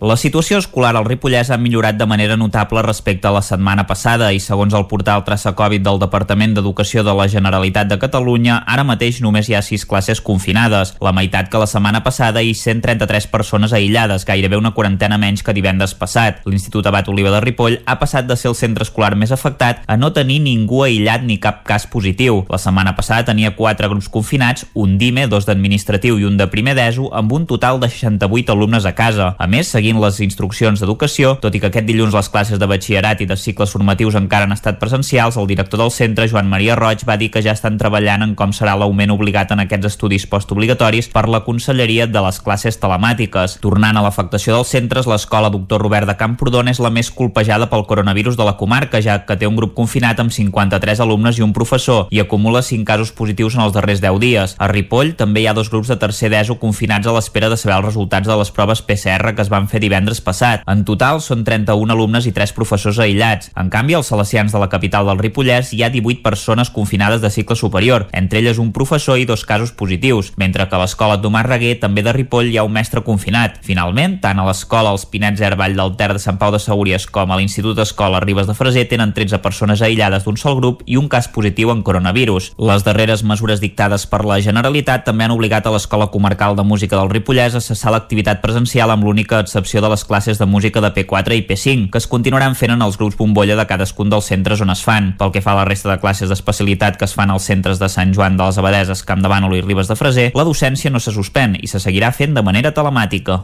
Prysmian decreta el tancament definitiu de la planta de Manlleu.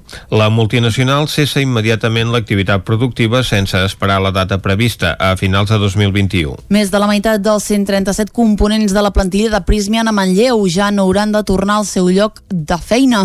L'aplicació del cessament de l'activitat productiva ha agafat per sorpresa els treballadors. Jaume Mata és el president del comitè d'empresa. Bueno, de sobte, primer, eh, perquè no tenim ni punyeteríssima idea de què estiguem siguem en una situació com per tancar ja. Teníem cartera eh, més que suficient per continuar treballant. Jaume Mata, president del comitè d'empresa, també denuncia que els impedeixin entrar a recollir les seves pertinences, fins i tot reforçant els serveis de vigilància. Vull dir, ens han tractat purament com a gossos i delinqüents. ens ha fotut a fora sense deixar entrar la gent ni a buscar les seves coses personals i a més a més fins i tot van reforçar el tema de seguretat per si de casa algú volia entrar sí o sí. La decisió també ha agafat per sorpresa l'alcalde de Manlleu, Àlex Garrido, qui ha demanat reunir-se amb representants de l'empresa per mantenir part de l'activitat. Tot i això, des del comitè estan descontents amb l'actuació de l'Ajuntament davant el tancament de la planta. No volem saber res de l'Ajuntament. És vergonyós l'actitud que ha tingut amb l'empresa més important de Manlleu, quasi bé centenària, l'any que ve, el 2021, el novembre del 2021, haguessin fet 100 anys i que la seva actuació ha estat la que ha estat. Tots els afectats de la plantilla tenen ara un permís retribuït d'un mes durant el qual es formalitzarà l'extinció del seu contracte en els termes acordats en les negociacions de l'ERO, 50 dies per any treballat amb un màxim de 42 mensualitats, un lineal de 13.500 euros per tothom i prejubilacions pels majors de 57 anys. Laia Jordana, regidora del PSC de Sant Feliu, i Maria Montserrat Aiguader, de Junts per Sant Feliu, han donat a conèixer les atribucions que tindran en l'equip de govern municipal municipal. Gemma Permanyer, dona Codinenca. La regidora del PSC de Sant Feliu de Codines, Laia Jordana, tindrà les carteres de Sanitat i Salut Pública del municipi.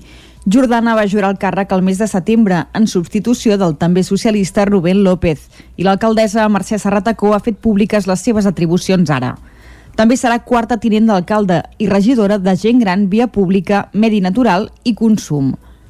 L'alcaldessa també ha fet públiques les regidories que ocuparà Maria Montserrat Aiguader, la nova regidora de Junts, el partit de govern, que entra en substitució de Joan Miralda. S'ocuparà d'Infància i Joventut, Medi Ambient i Habitatge. Miralda va ser qui va ocupar el lloc que va deixar vacant l'exalcalde Pere Pladevall, però va dimitir al cap de 15 dies de jurar el càrrec. Amb aquests dos nomenaments acaba la remodelació del govern, que va començar abans de l'estiu amb la dimissió de l'alcalde durant 13 anys, Pere Pladevall. Fruit de l'acord d'investidura que va signar Pladevall amb el PSC, els socialistes s'incorporaven al govern el primer any de mandat. I a aquesta seqüència de fets s'hi han sumat dues dimissions, una per cada partit de govern, que han fet que des de l'agost fins ara el govern estés incomplert. Un centenar de persones es van manifestar dissabte al vespre davant del Teatre Auditori de Cardedeu en contra del tancament de la cultura. L'acte va començar amb una encartellada als vidres del teatre, la lectura d'un manifest i l'ocupació de la via pública. David Auladell, de Ràdio Televisió Cardedeu. El sector cultural és un dels més afectats per la crisi del coronavirus. La mesura del toc de queda del passat diumenge ja posava de nou en alerta el sector, però van mostrar una resposta ràpida per adaptar-se a les noves restriccions. Quatre dies després, però, el govern de la Generalitat anunciava el tancament durant 15 dies de la cultura. Davant d'aquesta nova mesura, el sector cultural de Cardedeu es va concentrar davant del Teatre Auditori per manifestar que la cultura és segura, que els contagis han estat pràcticament nuls en els espectacles i que es tracta d'un bé essencial. La concentració no va estar convocada per cap entitat, associació o sindicat cultural, sinó que van estar els mateixos treballadors culturals que es van organitzar per demanar obrir de nou la cultura i menys precarietat pel sector. Escoltem Caral Albinyana, actriu i cantant, i Roger Canals, cantautor. No som una organització ni res, som treballadors que estem indignats i ja està. I que el que volem és que s'obrin els teatres, perquè realment la pandèmia no es veurà favori, afavorida per un tancament de teatre. Aquest any està sent ja, però no una muntanya russa, no, sinó una caiguda lliure, o sigui, no hi ha manera de recuperar-se com a col·lectiu. Tinc companys i companyes que ho estan passant realment molt malament han de deixar casa seva, tenen problemes greus. Fer cultura és una cosa que crea ponts entre la gent. A més, mostra un esperit crític, no? Uh, fa estar la gent desperta. Vull dir, és una cosa que ara, a aquestes alçades, és absolutament necessària, no? I de cop i volta, clar, uh, aquesta mena com de, de, de boicot. La regidora de Cultura, Núria Pujolàs, també va intervenir per explicar que el consistori recolza el sector i que farà tot el possible per buscar alternatives i ajudes per combatre aquests 15 dies de tancament. Dir que en aquest aquests moments al Teatre Auditori hi ha gent actuant i s'estan gravant vídeo, vol dir que eh, el concert que hi havia previst es pot fer i els tècnics de so i de llum poden treballar i el teatre segueix en el seu espai de suport a la creació que no hi hagi públic no vol dir que es pari en sec i la nostra intenció serà això tenir-ho molt present, de mirar ara com podem fer que el Teatre Auditori no s'aturi en sec. No? L'Ajuntament, a més, intenta valorar unes ajudes culturals per aquells que són autònoms discontinus i s'han quedat fora de la resta d'ajudes. I fins aquí el butlletí informatiu de les 11 del matí que us hem ofert amb les veus de Vicenç Vigues, Clàudia Dinarès, David Auladell, Gemma Permanyer i Isaac Muntades. Ara farem un molt breu parèntesi, de res, mig minutet, i de seguida saludem el Joan Carles Arredondo per parlar d'economia. Anem-hi. Territori 17. Envia'ns les teves notes de veu per WhatsApp al 646 079 023. 646 079 023. WhatsApp Territori 17.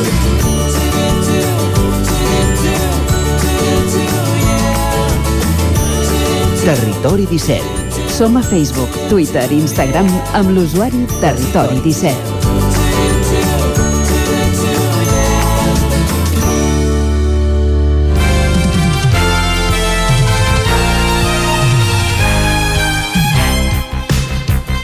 Efectivament arriba l'hora de parlar d'economia com cada dimarts amb en Joan Carles Arredondo. En Joan Carles avui ens porta una bona notícia i és que el PIB del tercer trimestre ha pujat moltíssim.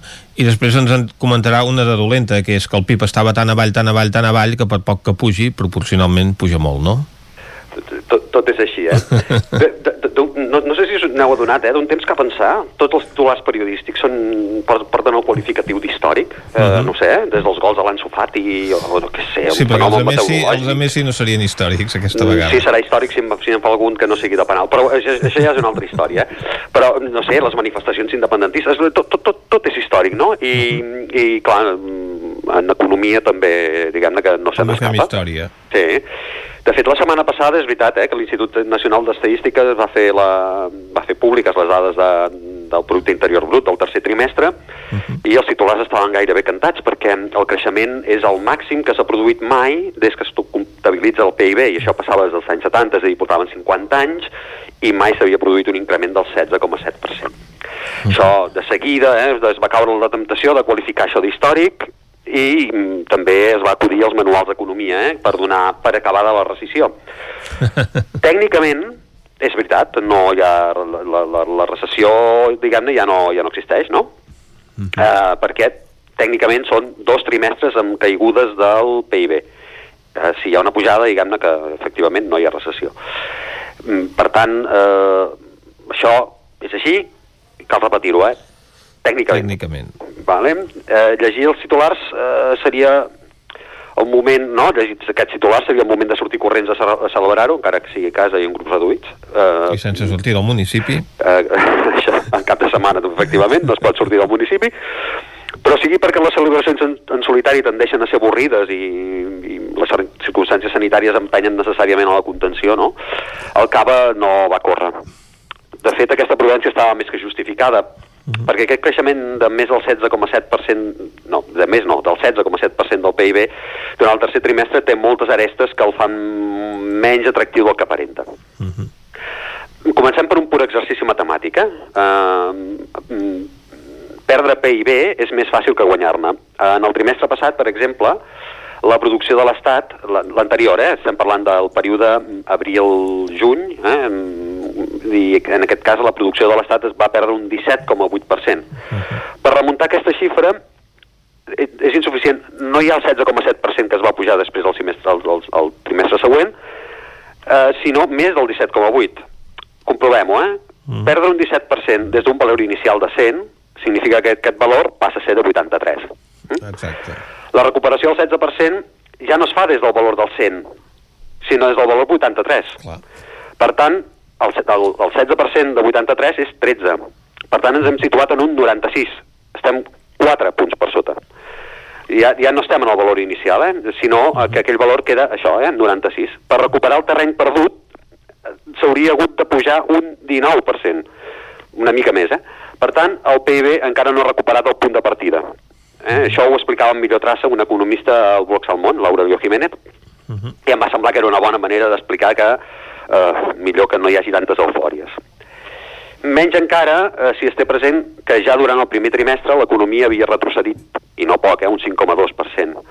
El resultat és que, comptat i debatut, el PIB estatal perd un 8,7% en termes interanuals.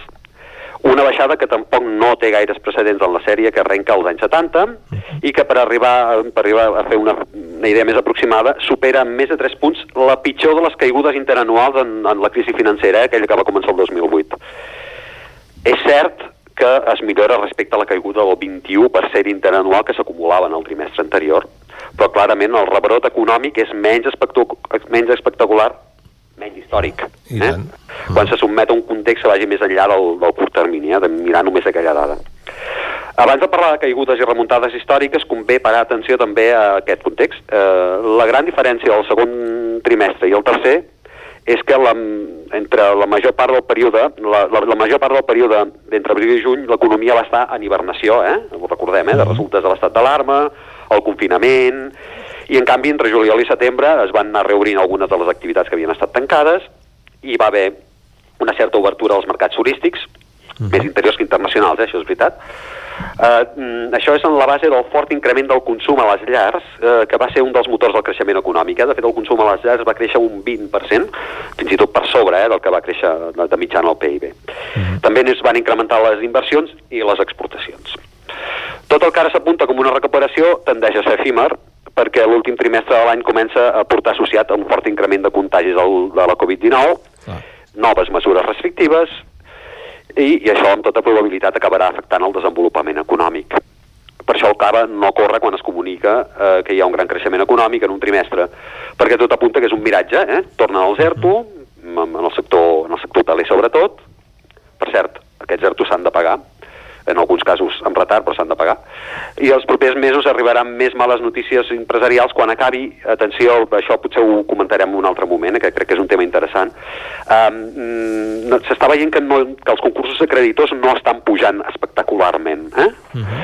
Uh, resulta que va haver-hi una normativa de l'Estat que permetia que les empreses no fessin aflorar els deutes que tenen fins al principi de l'any que ve. M'imagino que per... Uh, no sé, eh, per no donar tan males notícies i que, que condeixi el desànim, eh? Uh, no sé, a partir del gener és bastant probable, de, de fet hi havia un diari alemany, eh, això m'ho va comentar un empresari, que ja estava alertant eh, sobre, sobre aquests concursos de creditors, eh, sobre aquestes empreses zombi eh, que s'estan produint ara, i eh, potser, potser la setmana que ve en parlarem, que, que, que, que crec que aquest tema és interessant. Què, vol dir empreses zombi? Que estan mortes? Que estan mortes i uh -huh. que estan vives perquè ningú n'ha certificat la mort, eh, uh -huh. diguem-ne, seria, seria el tema. I és bastant probable que en els propers mesos comencem a veure molts concursos de creditors. Eh, tot això anirà passant. Uh -huh. Probablement, eh? No, tampoc... No, no, no, vull ser, no vull ser niño becerra i començar a fer aquí d'astròleg, eh? Però... però tampoc és les encerta, probable. tampoc les encerta totes. No sempre, no sempre. Ara diu que el 2060 no hi haurà sistema capitalista. En fi, no sé si ho veurem. Com va dir aquesta data, aquesta data vaig dir, ostres, això no ho podré, no, segurament no ho podrem acabar de confirmar. En fi, seguim. Uh, uh, la pandèmia porta a uns mesos d'alts i baixos i més enllà de col·locar qualificatius històrics en els titulars convé estar pendents de, de, de la tendència. Hi ha una cosa que mm, sí que sembla que està clara, és que el suport europeu no serà etern, i aquest suport és essencial perquè ara està servint perquè es puguin pagar els ERTOs, uh -huh. perquè no falti diner per poder gastar i fer que el consum a les llars, que com s'ha dit és un dels motors del creixement, eh, no s'aturi. Eh, sense el suport europeu seria més difícil disposar d'aquests recursos per, per pagar ERTOs, hi hauria acomiadaments i la roda econòmica encara es frenaria més. No és difícil augurar eh, que el que s'espera els propers mesos són més alts i baixos econòmics, Eh, aquesta és la tendència, i si és històrica o no, doncs que ho jutgin els historiadors. Eh? Probablement el 2060, quan hagi acabat el sistema capitalista, com augura aquest economista que dèiem. Eh? Doncs eh, probablement haurem d'esperar al 2000, el 2060 o més ja pronostiquem, pronostiquem que llavors nosaltres no cobrarem pensió perquè ja s'haurà acabat aquest sistema de protecció social. Això, això bueno, jo el 2000, sí, fins al 2060 encara espero que una mica de pensió puguem cobrar, eh? Vull dir, hi ha, hi ha una mica recorregut, de manera que espero que no es gastin, no es gastin tots els calés, Ara, amb això del pacte de Toledo que diu que eh, alguns, algunes despeses que no són exactament atribuïbles al sistema doncs, eh, sortiran i per tant probablement s'alliberin recursos, esperem que sí. Esperem que sí, i si no tenen diners, que en fabriquin de nous. Eh, gràcies, Joan Carles. Acabem aquí aquesta secció d'economia de cada dimarts, com sempre amb l'última hora econòmica que ens analitza en Joan Carles Arredondo. Nosaltres ara al Territori 17 farem una pausa i encarem la recta final del programa. I ho farem avui parlant de medi ambient. Tindrem el Manel Dot. Això serà d'aquí res, d'aquí 5 minutets. Fins ara.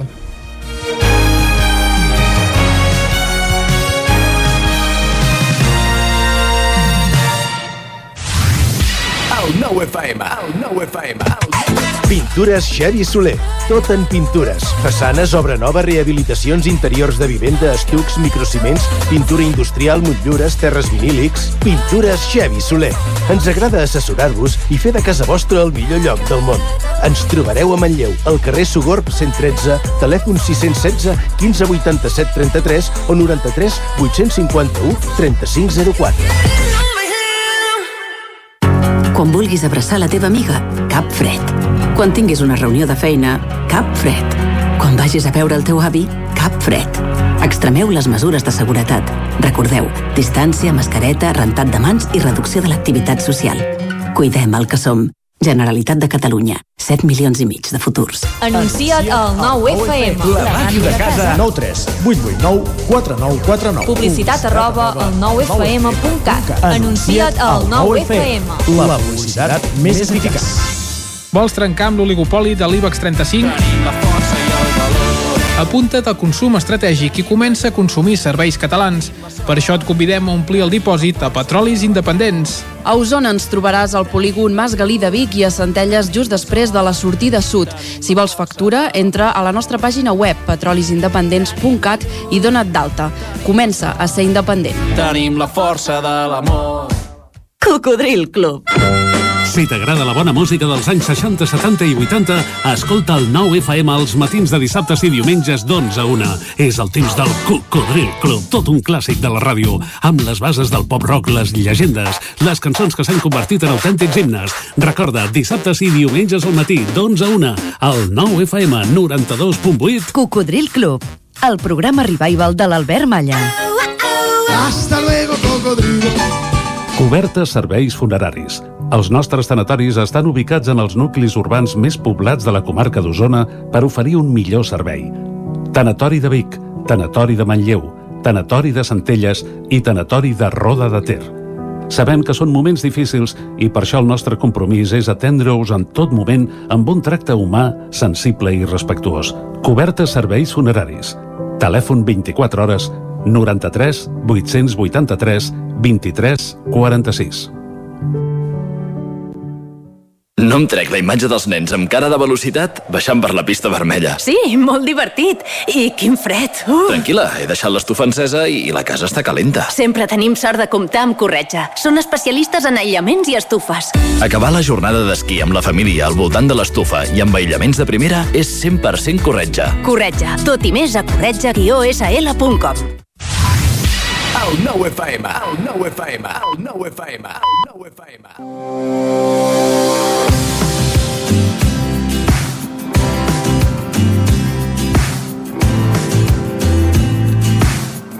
Doncs avui seguim amb la història del Tarragonès. Posteriorment a la conquesta dels visigots, la capital va estar en mans dels àrabs entre els segles 8 i 12 i va ser reconquerida per Ramon Berenguer III. En aquest mateix segle es va restaurar l'antiga seu metropolitana de Tarraco i es va iniciar un període de recuperació interromput per l'epidèmia de pesta que va assolar Europa al segle XIV i la Guerra Civil Catalana del segle XV entre el rei Joan II i la Generalitat. Durant els segles posteriors, la zona va patir també els estralls de les guerres del segadors al segle XVII i de successió al segle XVIII. Sense haver-se recuperat d'aquests conflictes, el terrible setge i la posterior ocupació francesa durant les guerres napoleòniques de començament del segle XIX van deixar el territori en un estat de misèria i destrucció. Amb temps i esforç, la comarca es va anar recuperant fins a assolir un desenvolupament econòmic i demogràfic estable que va continuar en segles posteriors, tot ampliant l'economia i l'oferta turística del Tarragonès. Una de les tradicions més destacables de la comarca i amb origen durant l'edat mitjana són les festes de Santa Tecla de Tarragona, declarades festa patrimonial d'interès nacional. Se celebren al setembre amb motiu de la Diada de la patrona de la ciutat i el visitant pot gaudir d'espectacles de música, teatre, cinema, dansa d'artistes arribats de diferents zones del país, bona gastronomia i castellers, entre moltes altres activitats. Una altra festa amb una tradició curta però molt arrelada a la comarca és Tarraco Viva, festival cultural internacional celebrat a l'estiu des de l'any 1999. Es tracta d'una reconstrucció històrica que té com a objectiu donar a conèixer el patrimoni cultural de Tarragona i sensibilitzar la població sobre la importància de la seva conservació. S'hi duen a terme representacions teatrals, tallers, conferències i mostres gastronòmiques. El Tarragonès gaudeix d'un ampli catàleg monumental on es poden observar les petjades dels diferents períodes històrics. La capital, Tarragona, destaca especialment pel seu ric llegat romà, com el circ construït a finals del segle I, destinat a les curses de quadrigues i el conjunt històric i artístic declarat Patrimoni de la Humanitat, nucli constituït per l'amfiteatre, la necròpolis paleocristiana, el fòrum i l'aqueducte de les Ferreres, entre altres monuments.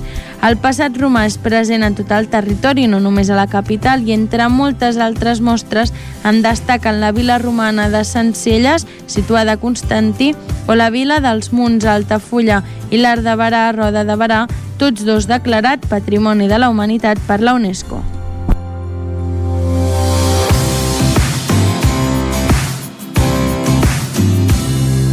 Territori 17. I de Tarragona ens n'anem ara cap a la R3. A Tren d'Alba. Cada dia els usuaris de la línia R3 de Rodalies que veuen sortir el sol des d'un vagó ens expliquen les gràcies i les penes del primer comboi que uneix Ripoll i Barcelona.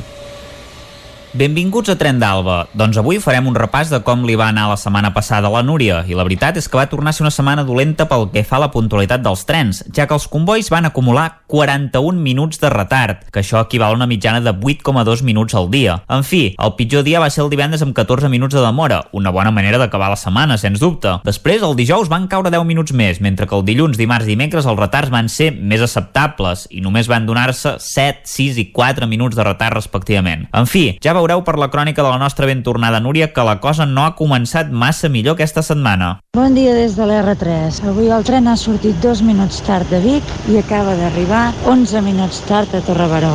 Avui quan hem sortit de casa se sentien gavines i he pensat això és perquè assenyala que hi haurà un canvi de temps? Algú hi entén amb això i m'ho pot explicar? Bé, estava pensant quan he entrat al tren que ahir sentia les notícies que deien que el metro es demanarà que es faci silenci i que no es parli perquè la manera de contagiar-se més important és precisament amb les partícules que expulsem al parlar. I jo pensava, això també ho demanaran al tren? Bé, de seguida me n'he desdit perquè he sentit això, gent que parlava, tenia un company de vagó just al costat que s'ha posat a escoltar música a tot drap fins al Figaró, sort que després ha parat perquè la veritat és que era molt desagradable, música molt forta i, i bueno, molt estrident per l'hora que era al matí. M'he preguntat també on són els futbolistes. S'han passat a la modalitat online i si és així, com s'entrena online? Cadascú pel seu compte? Bé, la veritat us he de reconèixer que els he trobat a faltar i tot. Tornem a anar amb un tren curt, una noia ha entrat a Granollers amb la mascareta d'accessori que la portava a la barbeta i de seguida s'ha assegut amb els peus damunt del seient al seu davant i he pensat, has pensat mai que embrutant el seient un altre dia també hi pot seure ell al damunt? Bé, avui és un dia crucial pels Estats Units, no sabem què passarà. M'agradaria pensar que tampoc serà tan crucial per, per Europa, però vist el vist no ho sé com serà en final. En tot cas, la frase més lapidària que he sentit últimament i que la veritat és que m'esgarrifa força és que en Biden és el preferit però perquè ell no és Trump. És molt fort això. Diuen que és el preferit però és una frase brutal, no ho sé. Si és encertada en la concepció que té la gent, també és una mostra de que estem ben venudes, mare meva. No sé on anirem a parar. Bé, us volia saludar. Sembla que la meva despedida de la setmana passada va ser circumstancial. Em consideren servei essencial i per tant de moment almenys algun dia a la setmana continuaré anant amb tren i si m'ho permeteu també fent-vos la crònica. Us saludo des de la R3, un dia més que no fa gens de fred però fa una miqueteta de boira. Cuideu-vos i abrigueu-vos que aquesta tarda s'esperen ruixats. Una abraçada des de la R3 de part de la Núria. Adéu-siau. Ens n'alegrem de tornar-te a tenir amb nosaltres tan ràpidament i encara que sigui només alguns dies a la setmana. Bé, avui ens has fet una radiografia d'alguns viatgers conflictius que van amb el tren i que espero que corregeixin els seus comportaments. I veurem què passa als Estats Units. Les eleccions semblen bastant més igualades del que diuen les enquestes, però caldrà veure com es resolen. Va, ens retrobem demà i recordeu que ja portem un retard acumulat de 5 hores i 9 minuts des de l'inici d'aquest mes de setembre. Territori 17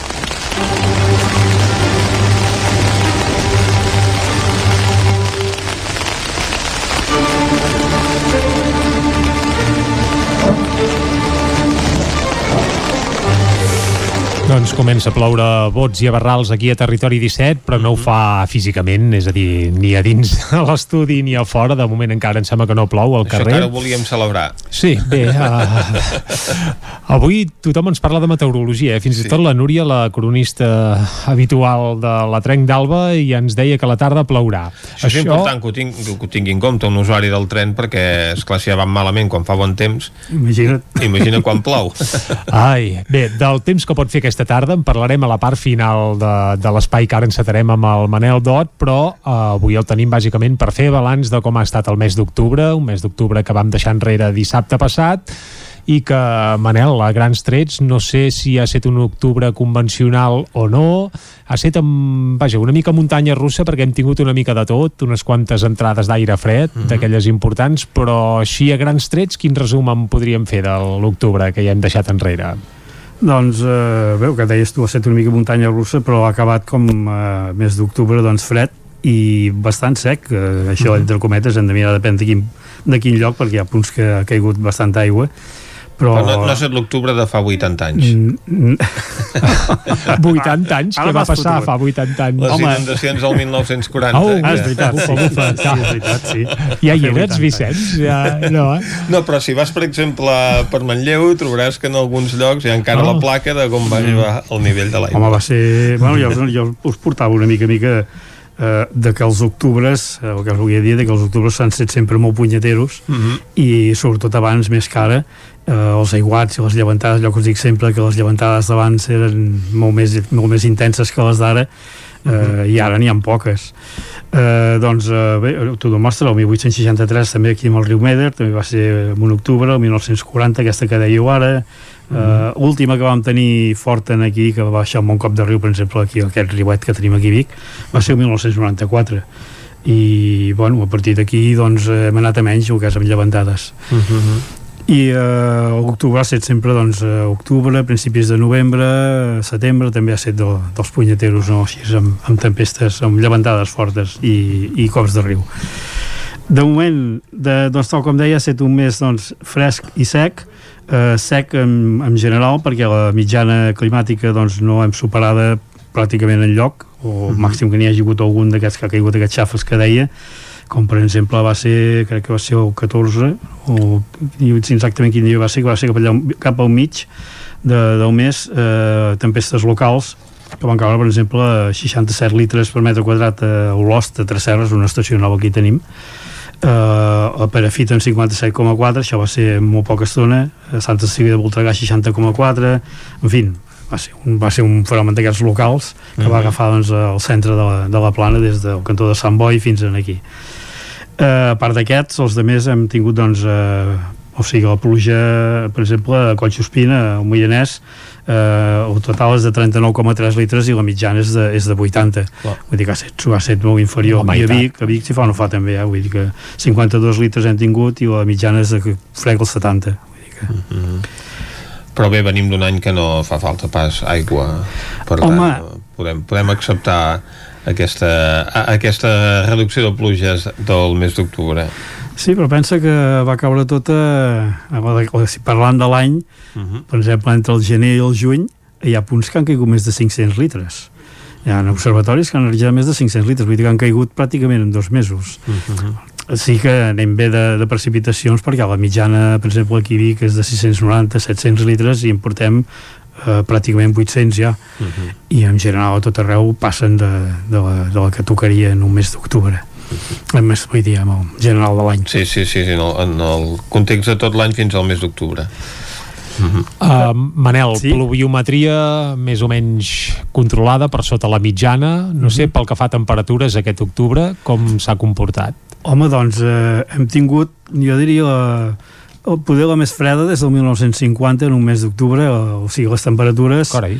Uh, a veure, parlem, parlem de a veure, la mitjana climàtica del mes d'octubre uh, o sigui, estem a un grau i mig per sota del que, del que tocaria uh, o sigui, hem set, ha set un grau i mig més fred que no pas el que és la climàtica no? uh, jo destacaria per exemple la, la gelada primerenca que va haver-hi uh, he estat mirant les dades des del 50 en un mes d'octubre uh -huh. i la mínima més baixa la tenim uh, crec que eren 0 graus un, un dia 9 d'octubre i aquesta va ser el 16-17 que ens va entrar aquesta, aquesta, entrada, aquesta entrada d'aire fred que va un contrast molt bèstia perquè teníem mínimes de 11-12 graus i en un, en un dia o dos vam baixar doncs, a sota 0, a un, dos sota 0 doncs eh, va ser 16-17 d'octubre i aquesta seria doncs, eh, pràcticament la segona més freda de, en un octubre des del 50 parlem de gelades, la, primera, la gelada més, més, més primerenca, no? Exacte. Mm -hmm des de fa 70 anys, vaja. És un dels mm. dos octubres que hi ha hagut una gelada més primerenca. Mm -hmm.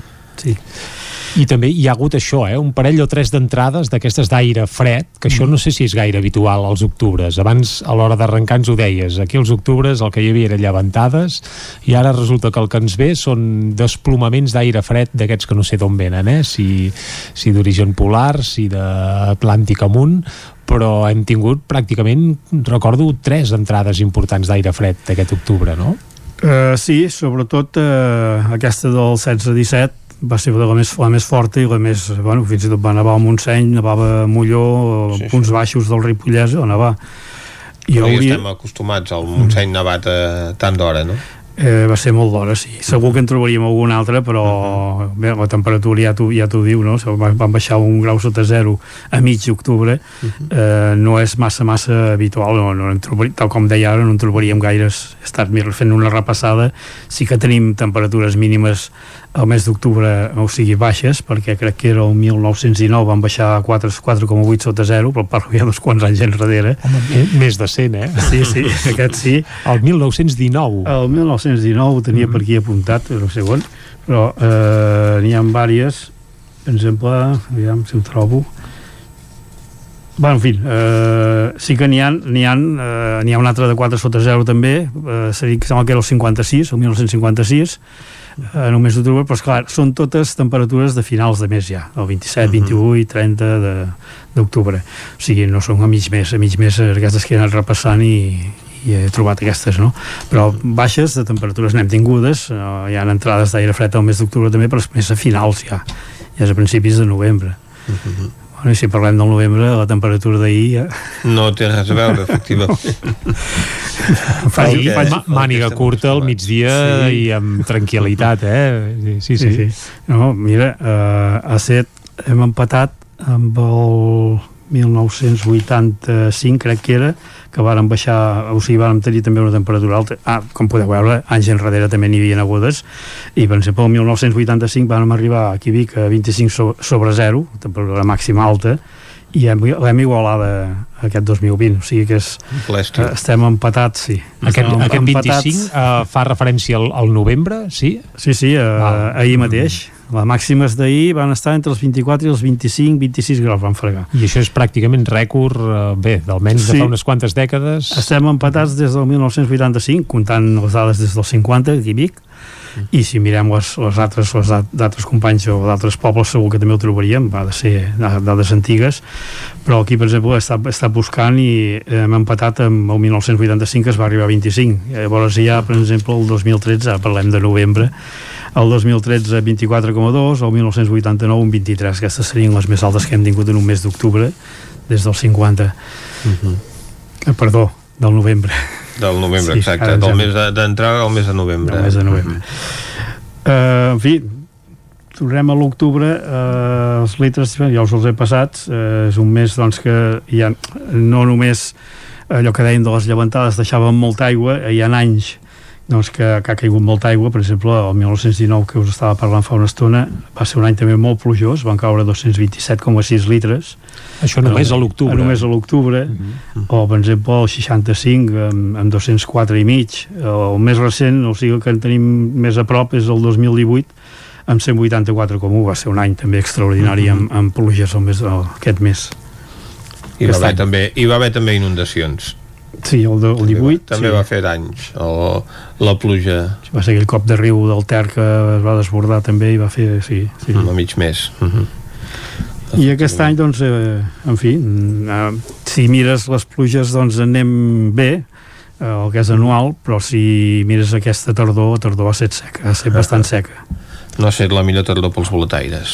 Home, va començar, que semblava que començava molt bé, finals d'agost hi va haver força tempestes, Manel, mm. -hmm. suposo que les recordes, però sí que és veritat que des de mitjans de setembre, pluja d'aquella de tardor, aquella pluja que va fent, que va caient a No, poc no. a poc, això no ho hem vist cap dia, eh? No, no, ha estat eh, pluges, o sigui, aquest mes de- d'octubre, per exemple, eh, va haver principis de mes, eh, però esclar, eren ruixats d'aquests que un punt et cau molt i l'altre et, cau, et cau poc, eh, i aquí hi ha un altre cap al mig i, i bueno, destacaríem la del final la del final sí que, però va ser, també va ser local uh Mhm. -huh. eh, una de les, a part de- d'aquestes entrades d'aire fred i, i el que parlava la mare doncs eh, jo destacaria també la, la precipitació que hi va haver-hi el 26 Mhm. que va fer una calamarsada de, de dos tres dits de calamarsa eh, i va agafar doncs a Gurb, eh, Vic i Callatenes pràcticament va ser el punt que va, que va descarregar més però són fenòmens, I en canvi la fenòmens Guixa no va fer res.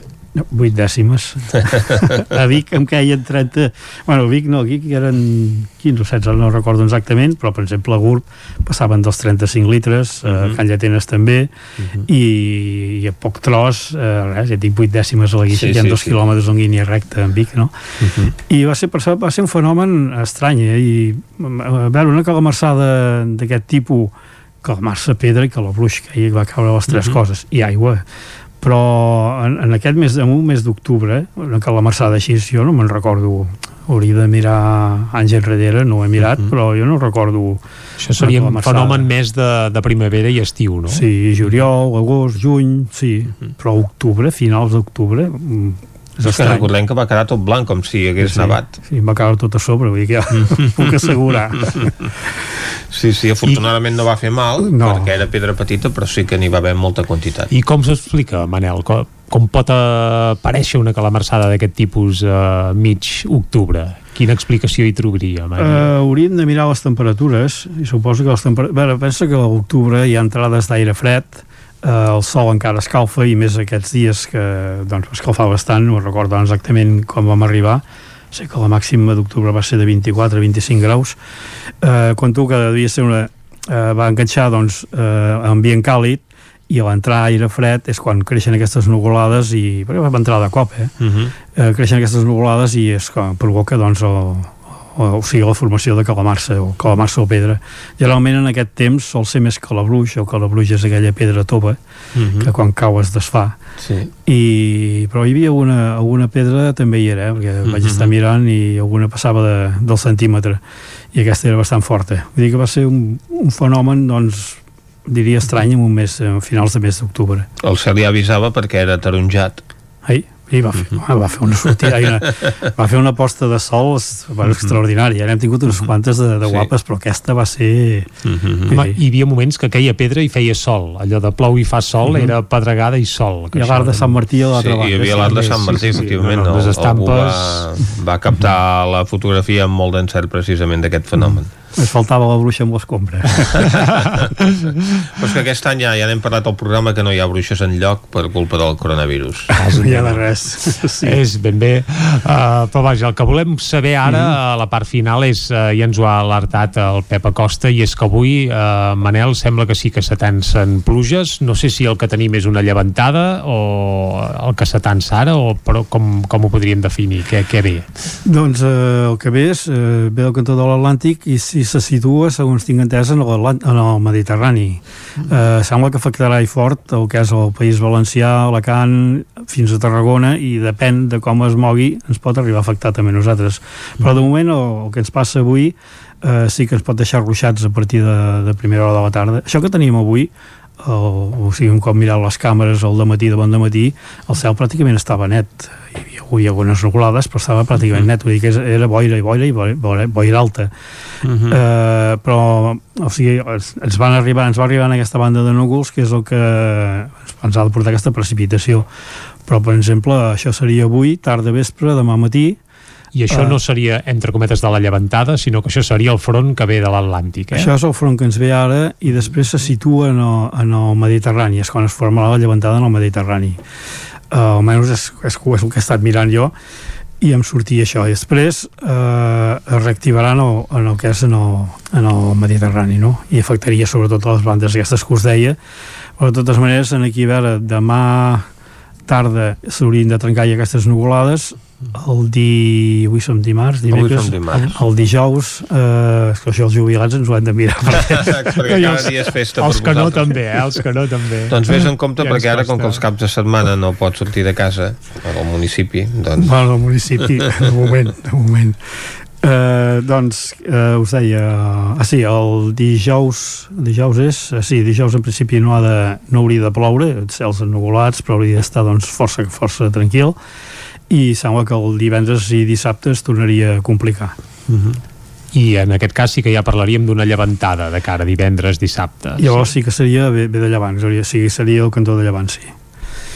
Ara depèn de, és que són molt punyeteres les llevantades perquè depèn de com se situïn potser fa de Tarragona en avall i aquí no ens arriba o ens arriben Clar. les escorraines. Mhm. o si puja una mica més doncs tenim el gran temporal, el gran temporal no? I ara mateix per on van els trets tu Manel, què, què et diu el nas? que, ens, bueno, que ens tocarà, sí, no? que, que plourà una mica sí, però aquesta llevantada es quedarà al País Valencià i al sud del Principat o ens arribarà fins, vaja, fins Principat amunt fins al territori 17, ras i curt jo crec que el, el part més intensa serà de Tarragona en avall però que alguns pujaran aquí també eh, el dijous, divendres eh, no el dijous he dit que no, el divendres, divendres dissabte, uh -huh. jo crec que ens afectarà no tant com al País Valencià però sí que també ens afectarà una mica Per tant, cap de setmana passat per aigua. menys el diumenge Ah, el diumenge ja ho salvem, diumenge ja... el dissabte sí, diumenge no.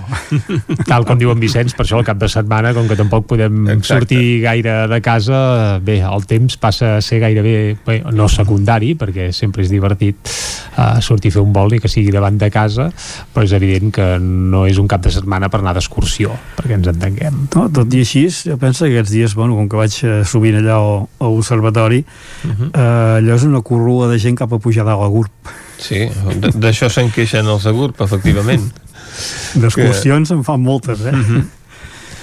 En teoria, només hi podria anar la gent de GURB, a la creu de GURB. Mm, Sí, perquè no és... No és uh... Però a, a peu sí que pots anar a un terme limítrof. Ah, sí? Sí. Ah, val. doncs així de... Bé, bé. Per tant, Sí, els, sí. uh, la gent de Vic pot pujar a la Creu de Gurb si van a peu des Ah, de Vic. exacte. Val. No, aquests anaven tots a peu. Els que vaig veure ja anaven tots a peu. Sí, sí, efectivament. Ja passaven al principi molt tranquils i quan tornaven se'ls veia ja... Més cansadets, Dic, no? aquests ja han pujat. Uh, Manel, tornant al temps, va, sí. hem fet una mica de repassada el que pot passar fins al cap de setmana, però el novembre, que l'acabem d'arrencar, com, com pinta?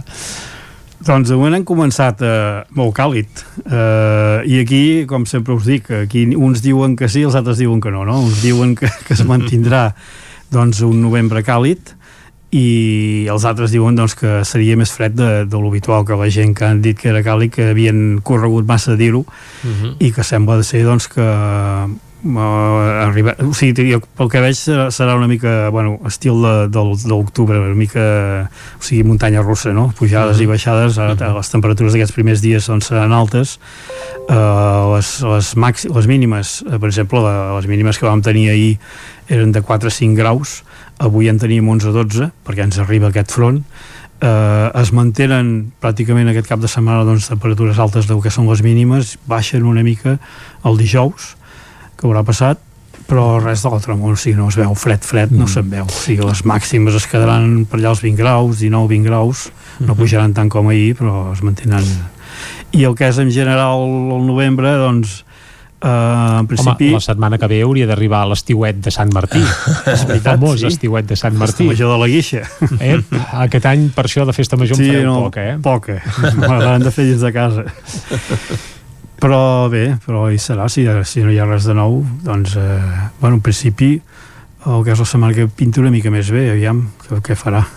De moment et dic eh, una mica muntanya russa. Pujades Home. i baixades al finals de mes eh, més fred, i diuen que la mitjana serà més alta del que tocaria i que la pluja seria menys de, del que tocaria depèn, perquè ja ho veurem si ens puja aquesta llevantada, millor fa el gran xàfec i ja tens l'aigua per tot el mes exacte que depèn, depèn molt ho haurem També de seguir. podria ser. Ah, També, també. Evidentment ho seguirem i ho explicarem aquí a Territori 17 i ens quedem, uh, m'agradaria parlar això de l'estiuet de Sant Martí, perquè clar, la tradició popular uh, sempre indica que la setmana de Sant Martí doncs fa bo. Uh, això, uh, si agafem les xifres i les dades, uh, Manel té... És a dir, s'aguanta. és a dir, passa que, que la setmana de Sant Martí acostuma a fer més bonança sí que, que acostuma a fer més bonança, però n'hi ha d'altres que no, eh? Jo recordo ben anat amb paraigues a la festa major de la Guixa i amb un bon xàfec, però generalment sí que és veritat que aquesta setmana doncs eh, segurament que és degut a això, no? Que hi ha els canvis de, de, de, de tardor ja i començant hivern i, i eh, ja és temps, és temps més anticiclònic, més de boires i no tant de, de ruixats, no?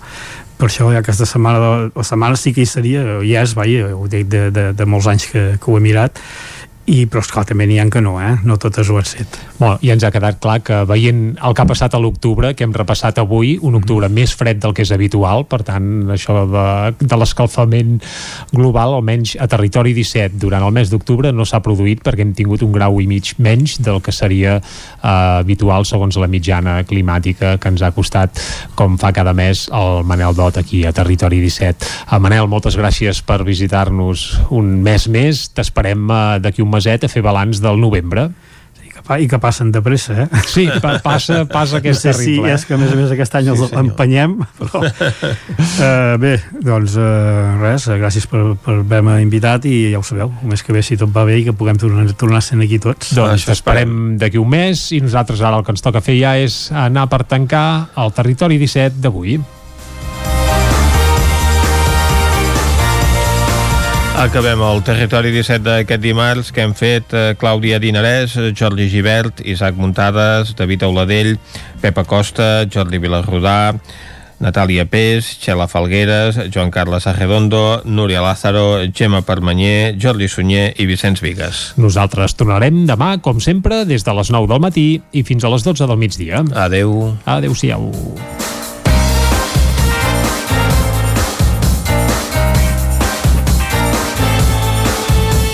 Territori 17, un magazín del nou FM. La veu de Sant Joan, Ona Codinenca i Ràdio Cardedeu amb el suport de la xarxa. El nou FM.